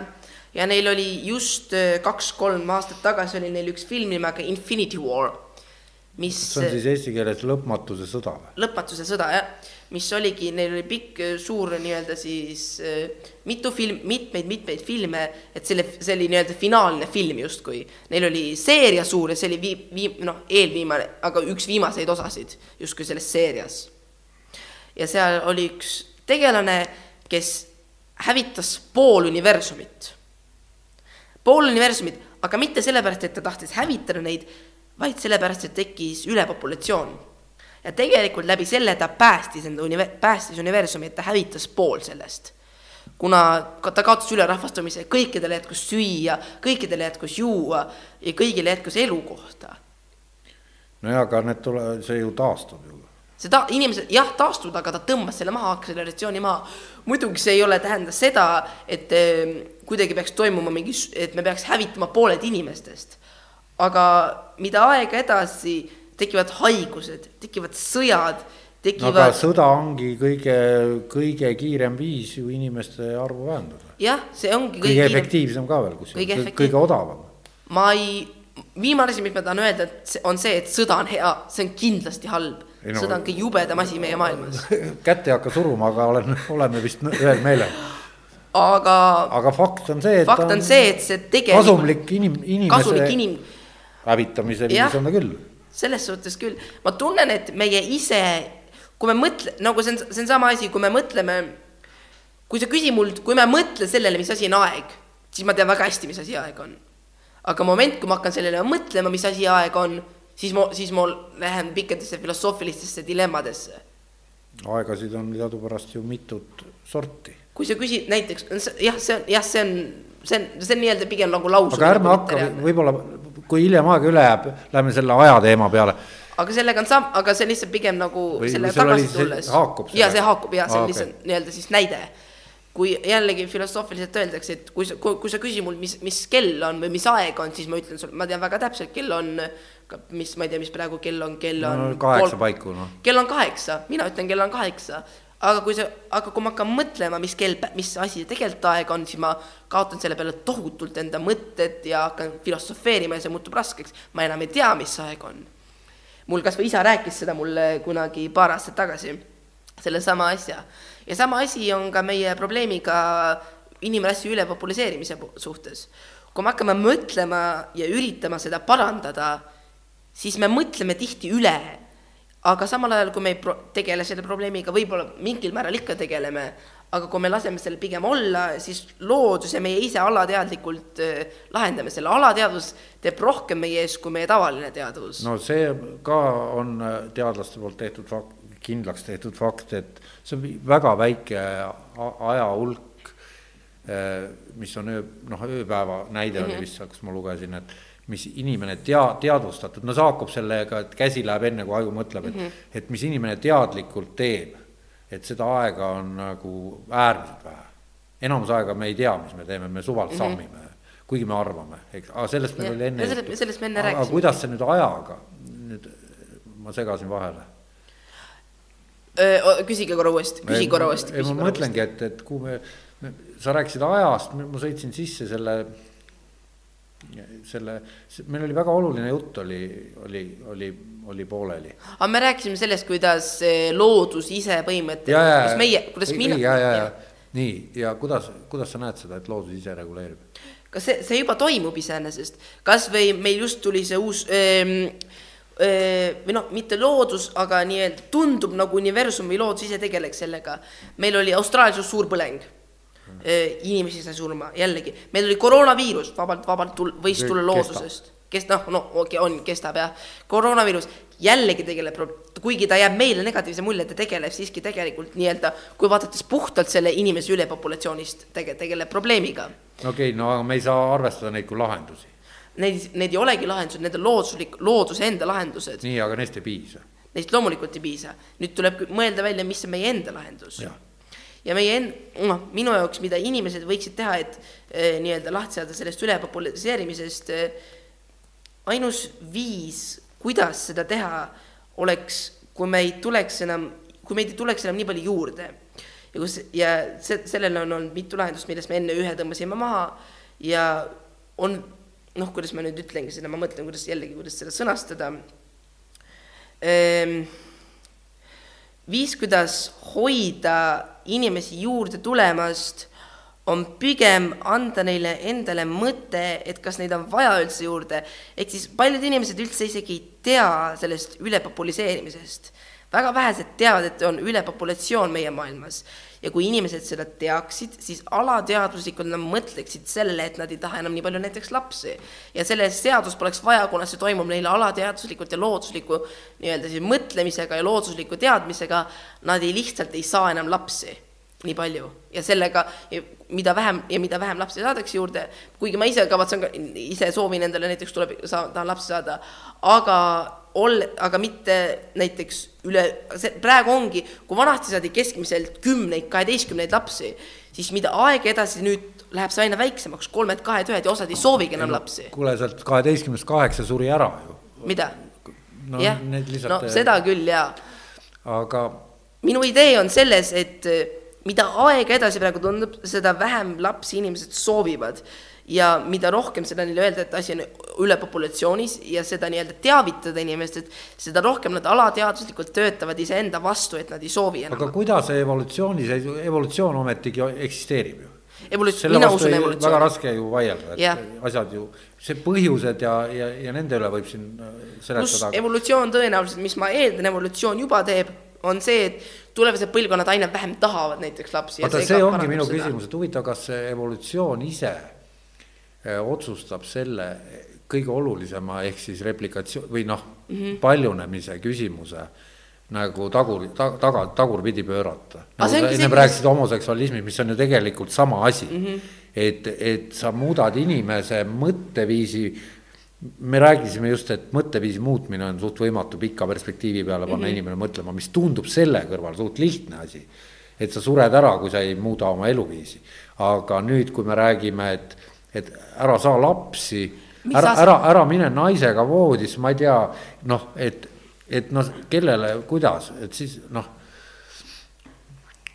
kummalises maailmas oleme, alkohol on vabamüügil, lapsi, et, et ikkagi ma püüan nagu nüüd mitmel rindel siin, üks asi on, on, et, et kas, tähendab, kas sa näed demokraatlikus, ütleme, kas see läheb nüüd liiga ühiskonna teemadesse või poliitikasse? võime, natu-, ärme liiga ser-, ser-, serva pidi, et, et, et, et, et kuidas öelda inimestele, et nad ei tohi, jah, see ei olegi asi, me ei saa, me ei tohi, inimesed, jällegi mina, inim-, mina arvan, inimene peaks olema võimeline tegema seda, mida ta tahab, kui ta ei vigasta selle, seda tehes teisi. no üldiselt nii mõeldakse mm. -hmm. see on minu, see on, see on väga hea iseenesest mudel minu arust. aga kui me taha-, näiteks kui tõesti ülepopulatsiooni, ülepopulatsiooni, populatsiooni probleem, siis evolutsioon lahendab seda niimoodi, mida me oleme tähele pannud, et kui kunagi tahti kaheteistkümne, kolmeteistkümne, neljateist, neliteist last, siis nüüd tahetakse keskmiselt üks-kaks mm.. ja see näitab, et evolutsioon on oma töö teinud, et seda, seda nii-öelda siis arvu äh, aina rohkem äh, justkui maha tõmmata ja maha tõmmata akseler-, akseleratsiooni ja Ameerikas ja näiteks Euroopas on see juba töötanud iseenesest. ei no mida arenenum ühiskond, seda vähem on lapsi, et, et Jah. see on nagu selles suhtes statistika. meil on vaja lapsi, et enda ühiskonda edasi arendada, et me ei sureks välja. aga samas tundub nagu evolutsioon teeks oma töö, et me neid enam, et me ei soovi enam neid ülemäära tänu noh, jällegi me soovime neid keskmiselt üks-kaks, et me ei soovi neid ülemäära, osad üldse ei soovi, et see tundub nagu evolutsioonitööd puhastada, mitte puhastada, vaid justkui mitte tekitada seda, et meil on ülepopulatsioon. nojah, siin on praegu kaks seisukohta, mis on nagu noh, ütleme siis nii mainstream seisukohad, et üks on see, et mis puudutab rändekriisi, et noh, et et see, et noh, et jagame inimtööjõudu planeedil ümber, ehk siis seal, kus vähem sünnitatakse, toome sealt sisse, kus rohkem sünnitatakse ja nii edasi. ja teine seltskond on siis see, et, et abort peab olema keelatud ja võõ, võõrrändajad surgu kodus ja sõdigu seal Aafrikas, aga ärgu tulgu siia hoovi peale laiama. ja, ja, ja meie peame lapsi tegema, abort on keelatud, et oma rahvaarvu tõsta et, et ja. need on need seisukohad, mis, mis nüüd suurte täiskasvanud inimeste ajalehtede maailmas nagu põrkuvad, et mida sina, mis sa, mis, kas sa oled sihukese asja peale ka juba mõelnud? ses suhtes jällegi nagu ütlen äh,, abort peaks kindlasti olema lubatud, aga see ei tohiks olla sunnitud äh,. kui inimene tahab aborti teha, siis see ei ole, siis see on loogiline, et eelkõige sa pead muretsema ikkagi enda pärast, mitte kui sul on laps kõhus, oletame nii, ja sa mõtled, kas see on moraalne teha aborti või mitte, mis pärast, mille pärast inimesed mõtlevadki, kas see on moraalne või mitte, siis teoorias jah, tegelikult see küsimus, kas ta on moraalne või mitte, on väga õige ja kui see laps on juba välja arenenud, siis loomulikult see on ebamoraalne seda aborti teha, aga kui ta pole välja arenenud, ta isegi seal vaieldakse mingi sünnieelsete päevade ja. arvu üle, no et. jah, seal ongi see, et ma arvan, et kui päris laps tekib, siis tal pole ilmselgelt veel teadvust, tal ei ole, ta ei ole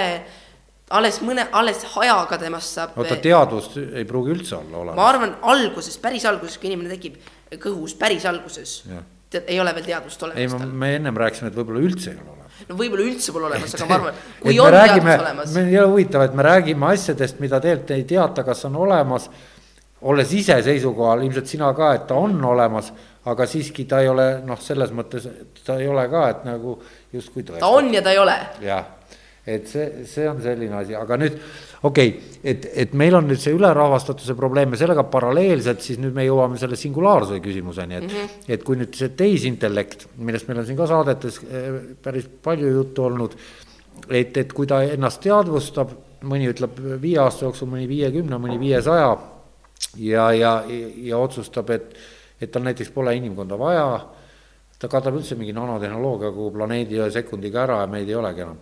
või teine variant, et ta, ta ignoreerib meid, kolmas variant, et ta lööb meid maha, neljas variant, et ta paneb meid nagu Matrixi filmis akudena tööle mm. -hmm.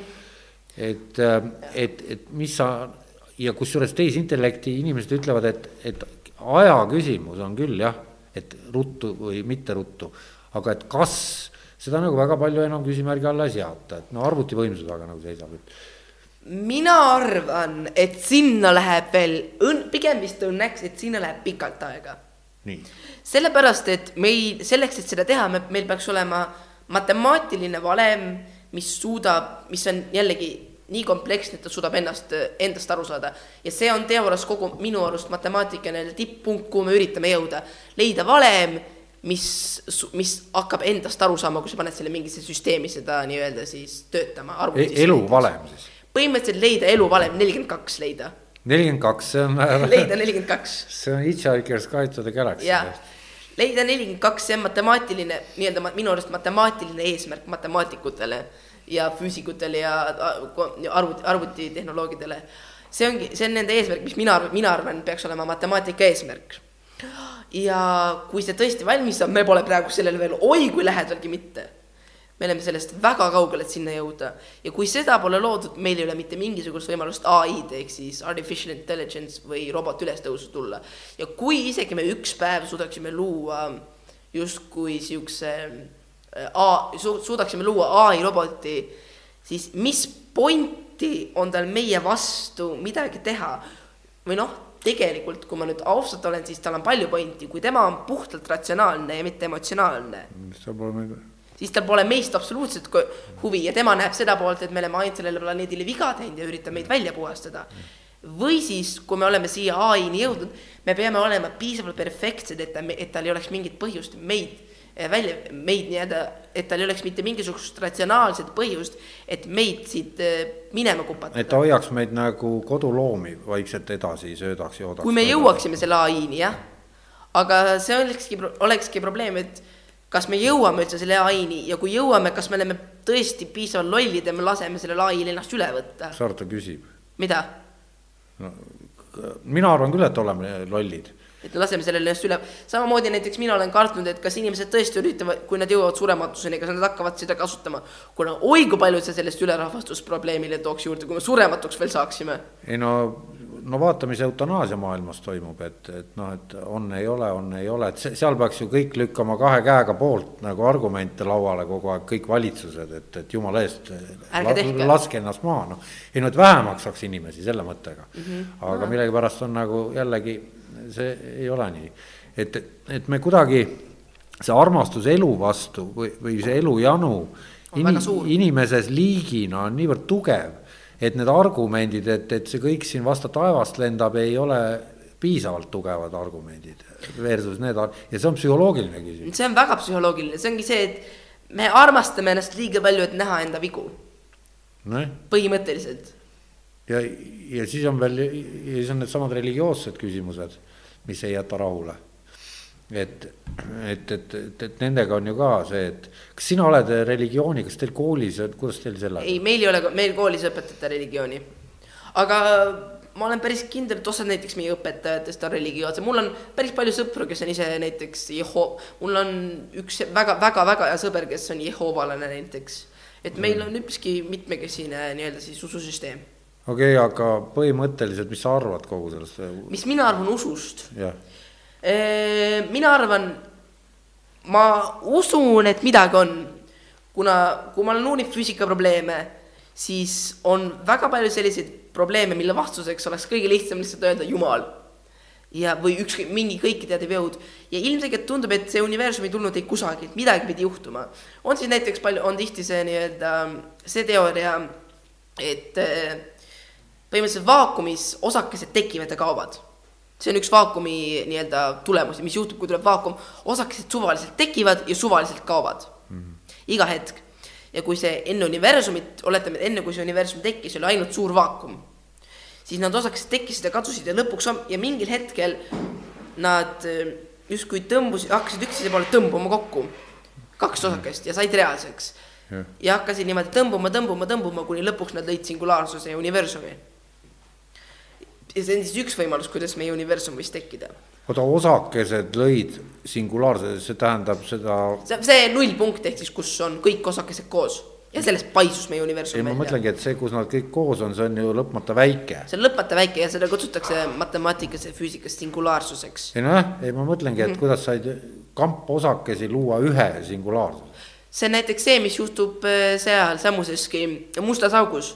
see ongi see, et äh, kui on suur täht, suur võimas täht mm. ja ta hakkab enda küttest, mis seda põhimõtteliselt väljapoole pressib, hakkab otsa saama, siis ta hakkab enda sisse tõmbuma ja tõmbuma ja tõmbuma, tõmbuma, tõmbuma, tõmbuma, tõmbuma, kuni lõpuks ta on niivõrd pisike, et ta on nulldimensiooniline, ehk siis tal, ta on tal on mingi, mingigi lõpmata suur mass siis. tal on, ei, tal ei ole mass lõpmatu suur, tal on sama mass, mis sellel tähel, aga ta on lõpmatult tihe. nagu oletame, et üks osake on siis, siis teine osake on selle sama osakese sees. justkui ma mõtlengi, et, et ega seda välja ma ei mõtlegi, et aga. ei, see on, see on singula-, singulaarsusega on see probleem, et mitte keegi otseselt füüsikas sellest aru ei saa. ja see on üks kõige suuremaid füüsika probleeme. Öeldakse, öeldakse, et on kolm probleemi füüsikas, kolm tähtsamat probleemi, olen mina kuulnud. see on eh, ajanool, ehk siis kuhu poole aeg, kuidas aeg töötab ja kas aeg liigub edasi-tagasi, kuidas entroopia muutub ja nii edasi oota, entroopia ja aeg on natuke erinevad mõisted. Nad on eri, erinevad mõisted, aga nad on hästi lähedalt seotud. entroopia on siis kaos, kaos, segadus, kui suur on ja. kaos ja alati öeldakse, et kaos universumis alati suureneb. ja see, see on yes. termodünaamika seadus. see on termo, termo, termodünaamika. sellest oli ka üle-eelmine saade oli meil uh.. Kaupo Vipiga oli juttu, tema on kirjutanud terve raamatu Globaalpohmelus sellel teemal sisuliselt, kogu, kogu raamatu sisu, noh, kui ühe, ühte lausesse kokku võtta, baseerubki termodünaamika seadustele mm. -hmm. ja, ja sealt edasi juba, et ei saa lõpma, lõppeva ressursiga või noh, piiratud ressursiga. et ei saa igiliikurite. igiliikurit saada, täpselt mm. -hmm. ja, ja, ja sealt noh, selle peale ta on ehitanud siis oma need lahendused, kuidas, kuidas nad näevad maakogu ja, ja Rooma klubi ja, ja kus ta on. et, et aga nüüd siis kui ja siis on, see on üks teooria, see nii-öelda, see on üks suur pro probleem, nii-öelda kuhu poole aeg osutub põhimõtteliselt. kas edasi või tagasi või hoopis ta on kuskil kõverdunud enda sisse, siis teine suur probleem on kõiksuse teooria. mis on teooria, mis ühendab, noh, algselt on teooria, mis ühendab gravitatsiooni ja kvantmehaanika. seda tahtis eh, Einstein. ja Einstein üritas luua kõiksuse teooriat. ja nad kõik üritasid vist. Nad kõik üritasid ja siiamaani üritame ja kõige lähemal, kus me sinna saanud oleme, on stringiteooria, aga see, või noh, M-teooria, stringiteooria, M-teooria nüüd õigem väide, ehm, kus me sinna jõudnud oleme. ja teine suur teooria, mida, millega me üritame seda teha, on kvantsõlm, sõlm, kvantsõlmeteooria ehk siis quantum loop theory inglise keeles. Quantum loop või? Quantum loop theory, jah. mis on ka hästi huvitav teooria iseenesest, kui stringiteooria räägib no väga lihtsalt öeldes, et äh, kõik meie osakesed on lihtsalt väiksed stringid või siis justkui äh, kitarrikeeled, justkui kitarrikeeled, mis võbelevad meie universumis ja moodustavad osakesi. aga mida mahub miljard millimeetrisse? no kui nad ei ole isegi millimeetrised, nad on niivõrd väikesed. ei, ma räägingi, et ühte millimeetri mahub miljardeid, et, et on, ja see on hästi-hästi-hästi peenikesed. hästi-hästi-hästi-hästi väiksed ja siis, kui kvantluupteooria räägib sellest, et meie universum on põhimõtteliselt ähm, justkui luupide või kettide kogum, mis moodustab meie siis universumi, meie universum on justkui väiksed ketid, mis on üksteise kohta niimoodi külge seotud ja moodustavad terve, terve meie universumi. aga mis selle point on? no selle kõik point on see, kui me töötame matemaatika välja ja näeme, siis me näeme, et see selgitab meie universumit ja see töötab iseenesest enam mingil oota, et see on nüüd asi, millest sa räägid, see on ainult puhas matemaatiline puhas teooria. puhas, ta on, ta on lihtsalt palju matemaatikat, mis, kui me vaatame vastuseid, me näeme, et see on täpselt see, mida me näeme päriselus. pluss veel mingid lisaasjad. kas sina näed numbrites, ütleme, et kui reduktsionistlikult seisukohalt, et füüsika saab edasi taandada matemaatikasse ja sealt edasi pole nagu väga kuskile minna et.... no ja kui sa väga tahad, sa võid selle eh, nii-öelda siis arvutikeelde panna, aga ma ei tea, kas sellel mõtet on. et sinu lemmikasjad on füüsika asjad, aga nüüd sa oled ikkagi sunnitud matemaatika appi võtma, et, füüsika mm -hmm. ei seleta ära asju mis.... ja füüsika ei, ei ole, ei ole olemas füüsikat, kui sa, kui ei ole olemas matemaatikat. selles suhtes füüsikat ei saa teha, kui sa ei oska matemaatikat. aga mis nad eraldi üldse on? Mida? Nad, ma ütleks, ma läheks nii kaugele, ma ütleks, need ei olegi eraldi, nad on tegelikult samad asjad. füüsika ja matemaatika, lihtsalt natukene. õpetajad on erinevad. mida? õpetajad on ja, erinevad. õpetajad on erinevad, kui, kui matemaatika on keel, siis ütleme nii, et kui mina ütlen eesti keel, siis ma mõtlen füüsikat, kui ma ütlen, et kui ma loen sulle ette alfa, alf, alfabeti või siis tähestikku ja kuidas sõnu moodustada, siis see on matemaatika. aga eesti keel on füüsika selline. kuidagi päris hea sihuke jah, isegi. see on sihuke analoog väike. ja, ja. aga, ja siis see kolmas suur probleem on singulaarsus ehk siis musta augu singulaarsus, et mis seal toimub, kuidas see töötab. mul oli just hiljuti endal ka teg, tegin ühe teooria, ma, mul isa soovitas eh, kirjutada selle paberi üles ja ma kirjutasin ka selle paberile üles iseenesest. ma, räägi, mis teooria on? okei okay,, mis see on kõigepealt alusta, mis nimi on teoorial? teooria, kas teooria, on Kirchhoffi kolmas seadus või on see termodünaamika üheksas seadus või mis selle nimi on? sellel ei olegi otsest nime, aga see on eh, Rutsi seadus. jah, Rutsi seadus, holograafili-, see on lihtsalt uus viis, kuidas ma üritasin aru saada holograafilisest printsiibist Vau, räägi. okei okay,, hologra-, ma pean seletama, mis asi on holograafiline printsiip. nimelt äh, mustas augus on see probleem, et kõik, mis sinna sisse kukub, mitte kunagi sealt välja ei saa. ja see on füüsikas probleem. kas see on katseliselt korduvalt tõestatud? jah, no mitte katseliselt, aga see on põhi, see on musta augu definitsioon Okei. Def-, see ongi see, kus miski sisse kukub, kunagi välja ei saa. ja see, aga see rikub termodünaamika seda reeglit, et, et informatsiooni ei saa lihtsalt kaduda. ja selle jaoks universumit justkui informatsioon kaoks, kuna ta kukub musta auku sisse. ja mis selle jaoks tehti, oli öeldi, et okei okay,, teeme nii, et tegelikult ei kuku mitte miski sisse, vaid see jääb hoopis musta augu piiri peale täpselt, jääb nii-öelda hõljuma. serva peale.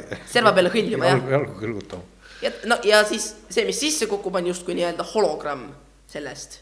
ja lihtsalt, no ta ei ole otseselt hologramm, aga ta on sihuke, seda pole, ta ei ole ots-, kogu informatsioon on selle nii-öelda ääre peal ja mingi suvaline plöga kukub sisse musta auku, mis ei kanna informatsiooni. Niimoodi, mitte midagi see on praegu. tead, ma selet-, kas võin uuesti seletada? võid küll muidugi, tähendab aru peab saama, ma pean aru saama, muidu pole ju saatel mõtet. täpselt, ühesõnaga oletame, et meil on must auk mm -hmm. ja sinna sisse kukub ja sinna sissepoole liigub osake mm. -hmm. mingi, mingi näiteks oletame planeet, siis eh, see planeet mitte ei kuku sisse, vaid ta läheb hästi peenikeseks ja jääb selle justkui pinna peale, mitte ta ei kuku sisse, vaid hästi lähedal selle äärele. see on põhimõtteliselt holograafiline printsiip. ma ei saa aru, miks ta sinna jääb või kust ta tuleb. sellepärast, et kui ta sisse kukuks, ta ei tuleks enam kunagi välja. aga kust ta teab, et miks ta võiks sinna sisse kukkuda? mida? miks ta ei kuku? see, no see on, see on, see tuleb jällegi, see on lihtsalt palju lolli matemaatikat ja seda on lihtsalt, seda on raske sõnadesse panna. miks ta sinna sisse ei. ei, ma lihtsalt mõtlen, et, et inimesed, need matemaatikud, siis sina kaasa arvatud, tegeled sellega, et ärkad hommikul üles ja hakkad mõtlema, kuidas planeet või osake musta augu ääre peal ei kuku sisse, et sisse kukub mingi plöga. no jah, põhimõtteliselt. ja selle vahel on terve ahel pikki keerulisi matemaatilisi tehteid, mis tõestavad ära, et ta ei kuku sisse, aga et ta läheb sinna ääre peale. või no ma võin öelda ühe matemaatilise põhjuse, miks me arvame, et see tõsi on. nimelt kui me vaatame, kui, kui midagi, kui miski asi kukub musta auku sisse, siis mitte ei, siis must auk kasvab. no ta läheb suuremaks ja suuremaks ja suuremaks, kui miski sisse kukub. oota, aga ta ei ole ju nagu kott, et sa paned sinna asju, ma saan aru, asjad kaovad seal, muutuvad. kaovad ära, aga siiski must auk läheb suuremaks. nii veider, kui see ka poleks. iga asi, mis sisse kukub, teeb musta augu suuremaks. aga see massid on võrrelda korrelatsioonis ka. ei, massid lähevad aina suuremaks samamoodi ja kui mass läheb suuremaks musta, kui miski kukub sisse, läheb musta augu mass suuremaks, musta auk ise läheb ka suuremaks. Et nagu see, See on sa, sa, samas kott. mahus, kui see, mis sinna sisse kukub siis. Mhm, täpselt, ta läheb samas mahus suuremaks. aga mitte, kui me vaatame matemaatikat, seda on nüüd küll natuke veider öelda niimoodi, aga mitte ei lähe suuremaks eh, tema ruumala, vaid läheb suuremaks tema pindala. kuigi see, nagu otsene seos on rohkem pindalaga kui ruumalaga. no apelsin kukub musta auku mm, -hmm. ta on ümmargune, tal on ruumala, tal on ka pind. pindala, jah. aga mitte see, mitte siis ei lähe nii palju, kuidas ma oskan, mitte ei lähe must auk suuremaks apelsini ruumala järgi, vaid musta augu pindala läheb suuremaks apelsini pindala järgi. mitte vast-, mitte, mitte niimoodi, et ruumala läheb ruumala järgi, vaid pindala pindala see on mõõtmete jah, küsimus. mõõtmete küsimus lihtsalt, jah. okei ja sellepärast arvataksegi, et ta jääb sinna peale, mitte ta ei kuku päriselt sisse, vaid ta jääb pigem sinna peale hõljuma. nii, ja mida see nüüd meile ütleb või? Ja meile ütleb see seda, et mitte miski ei kuku tegelikult musta auku sisse ja me ei pea muretsema, et informatsioon meist kaoks, meie sü- süsteemist. ja minu teooria lihtsalt seletas põhimõtteliselt, mis siis juhtub selle plögaga, kui see sinna sisse kukub. ja kuidas tegelikult, ja kuidas tegelikult singulaarsus ja nii-öelda siis see holo-, holograafi koht on sama koht. Seda, see on väga veider ja see on väga raske, ma võin sul, ma võin aga mis selle rakenduslik äh, aspekt on? rakenduslikku selle See- aspektil pole kahjuks ei no aga peab olema ju mingitel, see ei saa ju olla niimoodi, et, et matemaatik teeb asju nagu maleülesanded lihtsalt, et äge on. selle idee on see, et me mõistame maailma. universumit, see on kogu teoreetilise füüsika idee. Need, kes tegelevad sellega, et teha midagi kasulikku, need on kas eksperimentaalsed füüsikud või insenerid. no aga ma olen vist ikka noh, suht lihtsameelne, aga mis siis, et, et kas ei oleks täna siis vaja kõikidel nendel inimestel, kes aru saavad sellest, millest sa siin räägid, niimoodi sisuliselt ja sellega tegelevad, et nad hakkaks selle ühe eesmärgi nimel tööle, et see kuradi maa asi ära päästa või lõpetada või, või teha Eks ta- kõiki neid asju. eks ta oleks, eks ta muidugi oleks hea. kasu, sest on, kui keegi inimesel on mõtleb selle peale, et istub ääre peal. sellest kasu, no kasu on selles, et ta teeb selles suhtes, ega ta see reaalselt materiaalset kasu polegi. aga see inimene teeb seda, mis on nagu temale kõige parem ja kõige mugavam, mis tal on teha. pluss läbi selle me saame teada, mis en-, me või, meil on võimalus, kas me päästame meie maailma, mis on tegelikult nagu see õige asi, mida me praegu peaks tegema. või me vaatame, miks me üldse tekkisime siia maailma mõlemad on tähtsad, aga see on pigem teoreetiline füüsika üritab vastata filosoofilistele küsimustele kui eksperimentaalne füüsika ja insenerindus üritab vastata reaalsetele küsimustele.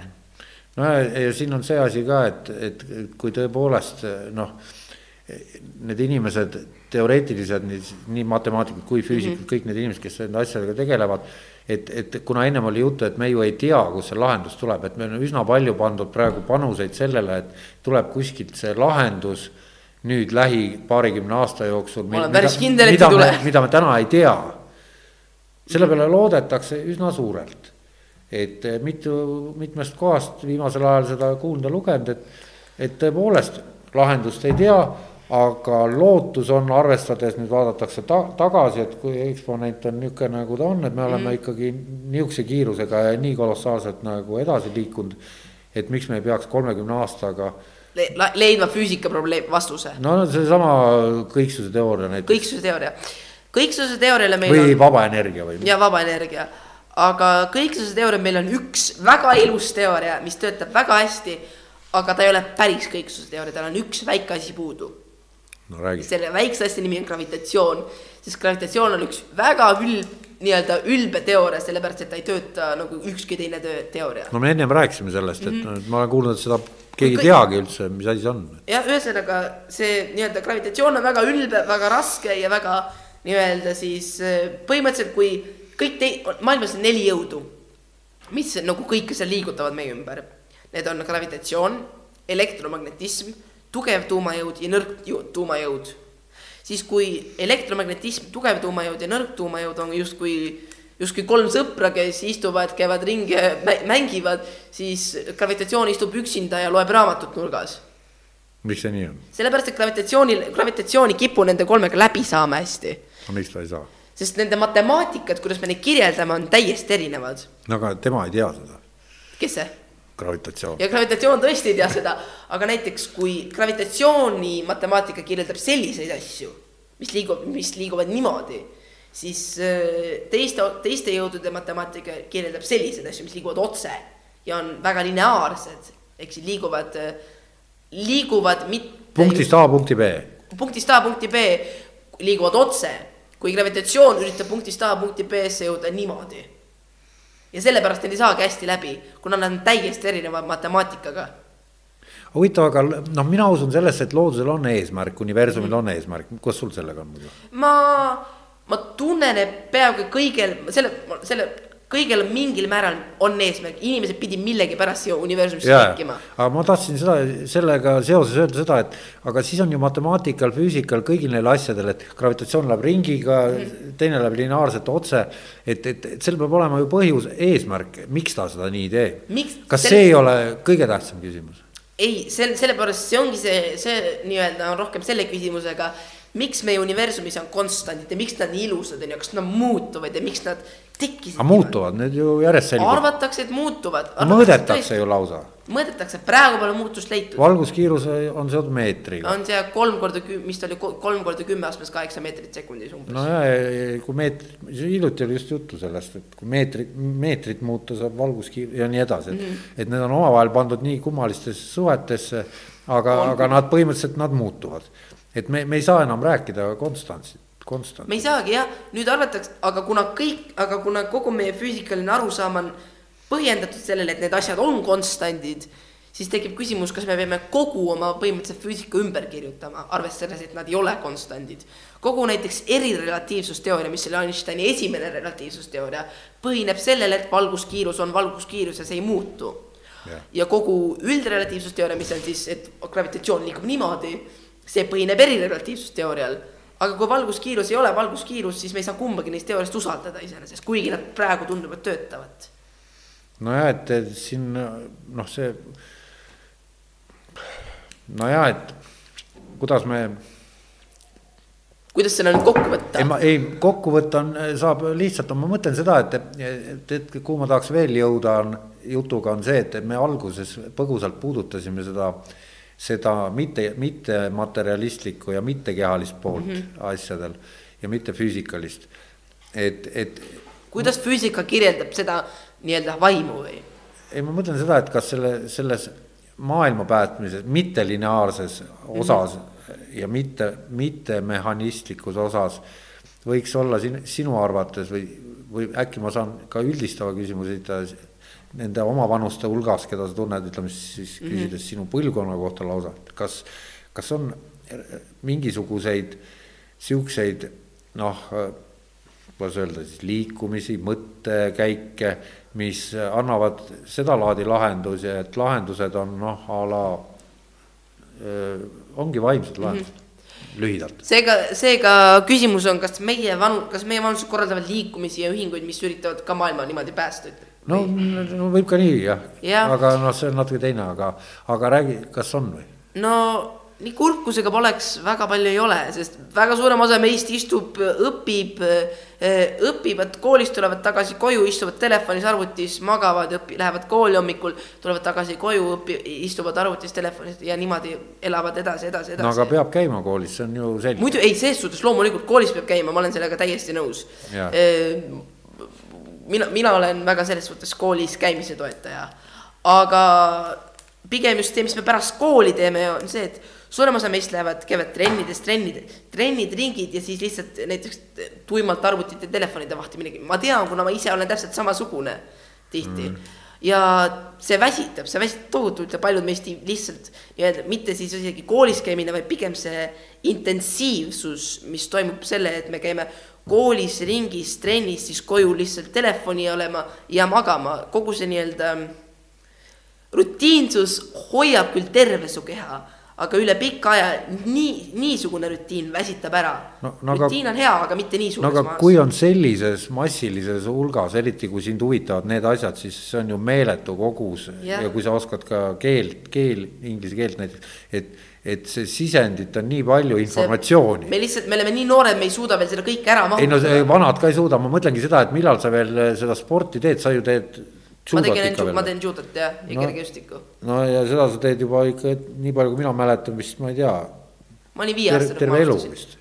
jah, üpriski terve elu jah. no et, et, et noh, et kuidas siis see uudishimu versus nüüd sport omavahel minul on kindlasti matemaatiline ja füüsikaline uudishimu kindlasti kõrgem, aga sporti ma teen. oma ise... keha hoida nagu see käib. jah, et hoida oma keha niimoodi vormis ja olla, olla heas vormis, ütleme. ma teen sporti sellepärast, et olla heas vormis ja judot enesekaitseks, et juhus, kui mul on vaja ennast kaitsta. on, on vaja ka kusjuures on küll, huvitaval kombel mul on vaja. Pärnus või Tallinnas? Pärnus, aga mitte nagu ma ei ole kaklustesse kunagi õnneks sattunud, aga mul on olnud vaja ennast judoga kaitsta. no ja kuidas mõjus? Äh, mõjus väga hästi, olen iga kord võitnud. kui mul, kui mul on keegi kallale tulnud on, ma olen kiiresti visanud ära ja jooksnud ära. seda on juhtunud rohkem kui ühe korra. nojah, ei noh, vägev, et nojah, aga mis me siis saame nüüd siin, oota, vaata, mis see, et me oleme nüüd tund kolmkümmend kaheksa rääkinud mm, -hmm. et äh, kas on midagi nüüd jäänud, et suhteliselt kaootiline sai meil see asi, sest et ega iga päev ei tule. igasse suunda. et jah, et, et, et ega, ega see mul lihtne pole siin praegu istuda ja mõelda, et ma ei mäleta mitte midagi seitsme klassi matemaatikastki rääk-, rääkimata nendest asjadest, ma ei tea, millest me siin oleme arutlenudki suurema osa ajast, et. et, et üritaks nagu mingisuguse noh, et kui see saade ära lõpeb, et siis mis sellest nüüd jääb mm -hmm. olulist mina ütleks, et oluline info on see, et me praegu oleme alustanud nii-öelda maailma päästmisega ja aina rohkem, iga päev hakkavad seal aina rohkem inimesed tegema iseenesest. kas või näiteks see, mida meil, see, mis ta nimi oligi, see, kes, mei-, see, kes just eelmine saade sul käis siin.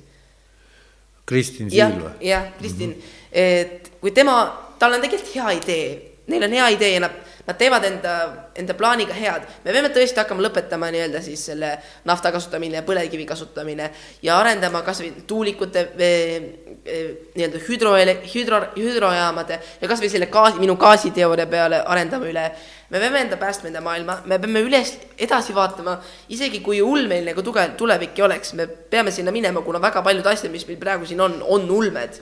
olid vähemalt paarkümmend aastat tagasi oleks olnud ulmed ja samamoodi, mis meile praegu või mis me siin otsustasime, et on täielik ulme, peame edasi töötama, peame edasi töötama, et jõudma selle praeguse ulmeni, mis meie jaoks on ulme mm. -hmm. sest, sest sealt kogu meie tulevikutehnoloogia tulebki. ja mõtlema füüsikale, filosofeerima ja hoidma ennast värskena no see on nagu hea plaan, et aga kuidas sa ikkagi füüsika, füüsikud, filosoofid, luuletajad ja, ja, ja vaata, kui palju on New Age'i ja kõike seda mm -hmm. ümberringi, et. et kuidas seda kogu seda seltskonda omavahel nagu niimoodi. kokku tuua. no nii, et nad ei kakleks kogu aeg. kakle, eks see kõige parem olekski see, et luua tegelikult, kui on meil on üks huvitav idee et kõige teaduse ja kõige selle suurim eesmärk mitte pole leida lahend, vaid ühendada kõik teadused. nii, kuidas vaid luua, mitte võtta teaduse erinevana, vaid võtta üks suur teadus ja panna kirja ühele paberile kõigi nende teaduste kõige tähtsamad asjad ja luua, panna see põhimõtteliselt kokku üheks suureks teaduseks oi,. oi-oi, see kõlab väga kuidagi. kõlab väga raskelt. ei, see ei kõla raskelt, see kõlab vastupidi, see kõlab, et, et ma olen midagi sellist näinud kunagi. Risto, kas sul ei tule meelde? ei, ma mõtlen, et kuskil ilusal kenal nõukogude ajal oli, olid levinud sedalaadi, ei, seal ei ole nuppu küljes, lihtsalt pead rääkima. et, et ega see oli, see oli see see, see on, see on järel jah. see, see, ei, see ei, see ei tööta siin, see töötab seal. ei, see ei tule kõlaritest äh,. jaa, selge, selge. et selliseid ideid on küllalt, küllaltki palju olnud läbi ajaloo, aga, aga see on üsna utoopiline idee, et ega ka vähemalt ennustatavas tulevikus me mingisugust universaalteadust äh, elu, universumi ja kõige kohta me luua ei suuda ilmselt. kuigi see on teaduse iseenesest eesmärk põhimõtteliselt küll ja, ja niisugused inter, interdistsiplinaarsed lähenemised või niisugused kahe teaduse piirimail olevad äh, käsitlusviisid nagu kasvõi noh, füüsikaline keemia või ke ja nii edasi ja nii edasi, noh, need on loomulikult olemas, aga, aga see kõigi teaduste, isegi füüsikas on väga erinevad omavahel mitte just kuigi hästi kokku klappivad valdkonnad nagu no, ühelt poolt relatiivsusteooria, teisalt kvantmehaanika ja nii edasi ja nii edasi ja nii edasi, nii et see on, see on suht utoopiline ma mõtlen ka, et, et kuidas inimesed ju kogu aeg karvupidi koos, samas aeg tiksub, et, et. et, et täiskasvanud inimestel on kõigi, kõige suurem probleem praegu, et kuidas äh, koostöö versus konkurents, no on üks võimalik pealkiri. jah, tõesti, koostöö versus konkurents, mina ütlen, et igas kuigi ma ise olen väga üksinda töötav inimene ja mina, mind natuke isegi mõnikord, ma ei ole, ma olen ise mitte grupi inimene, vaid olen pigem üksinda töötav inimene, kasvõi koolis või ükskõik kus. aga ma arvan, et selleks, et jõuda meie füüsikaliste lahendustele või maailma küsimustele vastata, me peame töötama koos ja ainus viis, kuidas sellest läbi saada, on hammustada läbi enda emotsioonidest justkui mõnikord. Kas teie, mida teie põlvkond otsustab, et näiteks kui nüüd need vanad kõik sealt pensionile lähevad Toompealt, et kas mm, -hmm kas üldse teie vanused mõtlevad selle peale, mis asi on poliitika ja kes need seal on ja mis nad seal teevad ja miks nad seda räägivad, mis nad räägivad ja televiisoris veel? olgu see kas õnneks või kahjuks, aga väga mitte. mina, mingil määral see on kahjuks, kuna me ei mõtle enda maailmale nii palju, aga samas see on õnneks, kuna me säi-, pigem päästame ennast sellest suurest karjumisest ja põhimõtteliselt kaklemisest, mis poliitikas tihti tööd toimub ja meie säästame ennast sellest ja me saame luua enda, omaenda arvamused ilma teiste omade pea, peale neid nii-öelda siis, ilma teistelt neid varastamata. meil on omaenda valge paber, kuhu me saame hakata kirjutama enda ideid.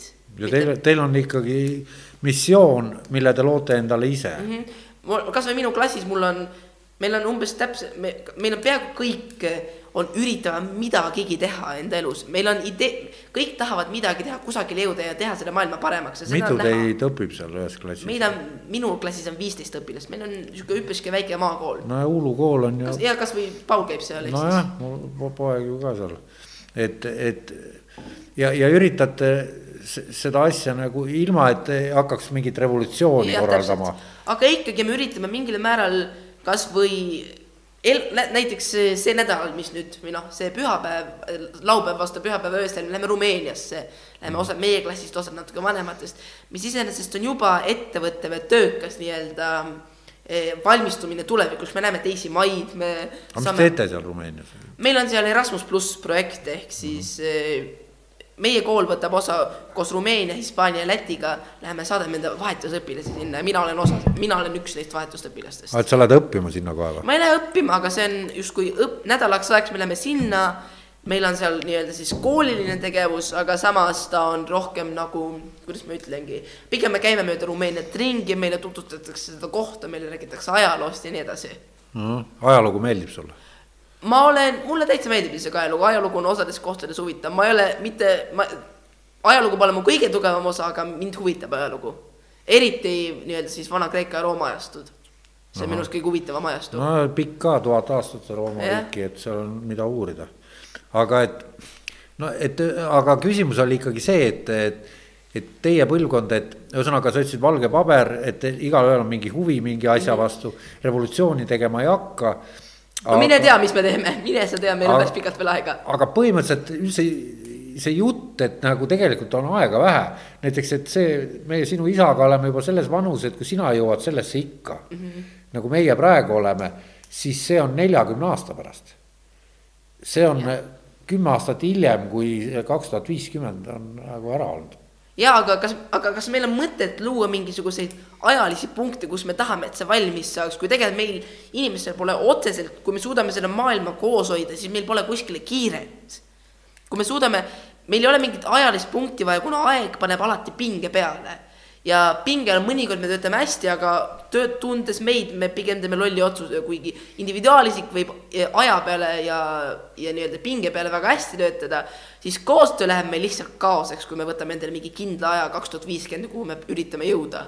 Ei, ma ei mõelnudki, et teil nüüd on mingisugune plaan kaks tuhat viiskümmend kuhugile jõuda, aga lihtsalt ma mõtlen, mis meeleolud, sest et püüan võrrelda nagu oma nooruspõlvega ja vaatan, kuidas maailm aknast paistab ja et, et, et tegelikult on pandud tänase päeva sellest ei räägita ja nii, aga mina võin siin rääkida, et, et tegelikult kogu see vanade, vanameeste ja memmede punt, kes seal Toompeal askeldavad, nad tegelikult lükkavad kogu selle kuradi maa pasarahe teie kraesse üpriski küll jah, tegelikult või no mitte, ma ei ole, ma ei ole nagu nii kursis sellega, et ma oskaks täpselt sellega ei no öelda. ega ma ka ei ole, no eks ma võimendan üle nii Jah., aga see on nagu see nelja-aastane poliitsükkel, mis neil kestab ja see, mida nad räägivad, et seda tegi eelmine ja seda hakkab tegema järgmine.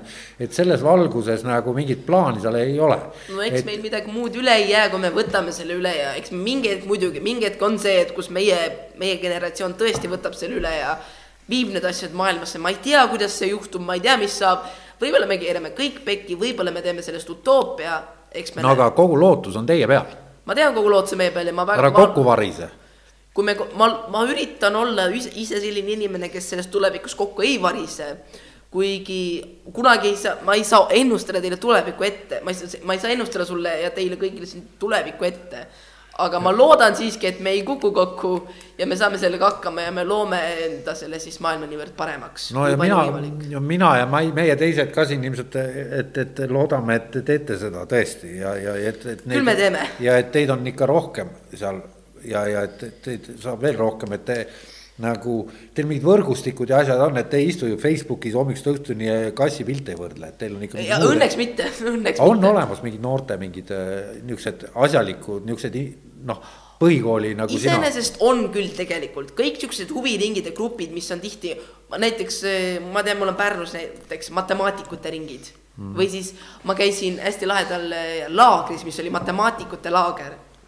siuke valemite laager. valemite laager täpselt, kus meil oli, oli kaks päeva oli see laager kestis ja seal oli mina ja kõik Pärnus, mina olin ka seal ja kõik Pärnus niisugused lapsed, kes huvitusid matemaatikast. Või noh, Pärnu maakonna lapsed, mitte linnalapsed, tehti mm -hmm. erineva er,, eraldi.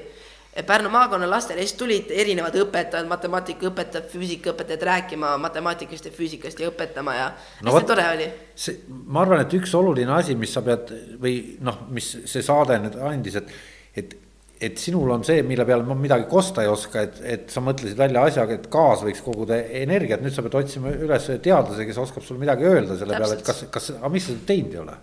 mida, sest ma ei ole jõudnud lihtsalt, see on probleem. ma, mul on lihtsalt nii palju asju tulnud. sest et sa pead selle kohe järgi uurima, sest et kui ta mm -hmm. teeb sul selgeks, et see ei tööta, sa pead hakkama uut asja kohe täpselt, ma nuputama. ja ma ei, ma ei ole kindel, kas see töötab, ma ei ole ma arvan, kuskil näiteks ole, võtame jälle multiversumi teooria, siis kuskil multiversumis see töötab, aga ma ei ole kindel, kas see on see multiversum. nojah, et mitmendas simulatsioonis me asume. Täpselt. Seda küsimust ja sellele vastust ilmselt Ei me, meie ka. liik ei ole võimeline välja. muidugi mine sa tea ka, kas arvad, evolutsioon, kui ta läheb nüüd ütleme ühtepidi, läheb seda tehisintellekti rida teistpidi meie superintellekti mööda. nojah, et, et Siis- et ühiskondlik tehisintellekt, noh, või see grupiviisiline pilvevärk. ja singulaarsus justkui. jah, et, et, et, et selles, nendes raamistikes. noh, ma arvan, me oleme võimelised teoorias seda vastama sellele küsimusele, aga me ei tee seda enne, kui me oleme jõudnud sellele, kus me oleme kõik jällegi singulaarsuses üks suur mull, mullideid. aga kas see on nüüd tõesti õnnelik lõpp sellele, see singulaarsus, see suur nii-öelda mull, kus me kõik pilves oleme enda nii-öelda, kus me oleme kõik ühes pilves ja sa suudame üksteisega nii-öelda siis kokku puutuda. kas see on see perfektne tulevikku jõuda emotsionaalselt, kui tule-, arvestades praegu seda, et me muutume aina ratsionaalsemaks ja aina vähem emotsionaalsemaks, siis tõenäoliselt tulevikus meil enam tunded ei loegi. kas see ratsionaalse, et me muutume järjest ratsionaalsemaks, see on äh, fakt või? ta ei ole fakt, ta on mingid uuringud aga on ka selle taga, millele sa toetud või? tundub olevat, et me läheme aina ratsionaalsemaks ja aina vähem fa- emotsionaalsemaks. aga samas, see ongi see veider, et mingil määral me tundume minema aina ratsionaalsemaks, aga samas mingil määral aina emotsionaalsemaks. Et see, see ongi huvitav see, et me korraga suudame minna aina ratsionaalsemaks ja korraga aina emotsionaalsemaks. mis on, mida mis tähendab? see tähendab seda, et äh, inimesed on pooleks, osad lähevad ratsionaalsemaks, osad lähevad emotsionaalsemaks. vasak ja parem aju poolkera vist. nojah, see ongi see vasak, vasak ajupool on siis ratsionaalsus, parem ajupool on emotsionaalsus. nojah, et, et see on lihtsalt puht anatoomia või mm. -hmm. et aga mis siis nüüd me saame siis nüüd lõpetuseks öelda, et, et kui järgmine kord näeme, siis, siis äh, räägi, kuidas on selle asjaga. räägin, kuidas on sellega, kas mu gaasiteooria leidis tõe- kinnitust no siis sa, siis, siis sa tuled juba nii suure autoga mulle vastu, kui sa, kui sa gaasitoorea, sa teed ometi patendi ka selle. ja kui see oled gaasiteooria, sa muide seda, kumba, kumba leeri sa kuulud, kas kõik vaba vara või patent või pole üldse mõelnud nende pole sellel, selle ärile liialt pole mina mõelnud ausalt ütles, ütlen ausalt. nojah, et, et see ongi vist rohkem niisugune äriküsimus, et ja see on pigem äriküsimus, ma sellele liialt pole tõesti mõelnud. jah, et lihtsalt, et kui sina nüüd sulle suur teadlane ajab silmad suureks, et kurat, see gaasilahendus, see on ju, lahendabki kogu maailma probleemi või ära. siis läheb silmad suureks, ah kui loll idee see on. no vahet ei ole, aga ütleme, et see on hea idee. et No no, ütleme. siis sul tekib ju kohe, siin tekib ju see aspekt ka, et, et kuidas sinu vanused näevad üldse raha ja majandust raha ja majandust, ma kindlasti, ma olen kindlasti tahaks olla rikas, see oleks tore loomulikult. aga raha ja majandus pole liialt selline asi, millele, millele meie vanused veel liialt vist mõtlevad. mul, ma ei ole näinud kedagi enda vanuses, kes liialt mõtleks rahale ja ärile ja. et on ainult see, et saaks paar euri, et purksi, ja aga paar eurit purksi saada, see on kõik, millele me mõtleme. mõni, mõnikord me käime tööl ka näiteks mina käin Lottemaal tööl, see, see on iseenesest ärile mõtlemine. Aga ta on pigem nagu see, et ma saan praegu raha. no sa oled ju näitleja ka, sa käid ju Mägis Oliver jaa, Twistis ma ja, olin Oliver Twistis, olin tagatantsija ja siiamaani olen meil, praegu on siiamaani etendused kestavad. no aga äge ju, et siis tegelikult sul on nagu väga mitmekülgset tegevust jagub sul. Õnneks on küll, ma suudan ennast üpriski mitmekesiselt no aga siis on ju see maailm ju heades kätes, et, et mis See me siin ikka jaa., mis me siin ikka jahume. mis me jahume jah kui ta- maailm juba heades kätes on. maailm on heades kätes, kõik on nõus sellega, et maailm on heades ja, kätes. ja küll me selle veel. parematesse edasi viime. küll me selle, tähendab mind siis ei ole, sina viid. Teie Pauliga viite. me koos Pauliga viime, hiljem saame Pauliga kokku, viime otse maailma teise, teise otsa Okei. Toopesse. kas on äh, veel küsimusi kellelgi? aga siis me saame oma saate ära lõpetada vist Saame. tänaseks. aitäh, et tulid äh, Pärnust siia kohale ja. jah, aitäh väga hea saate eest, see oli väga tore saade. oli küll, mulle ka väga meeldis, aitäh.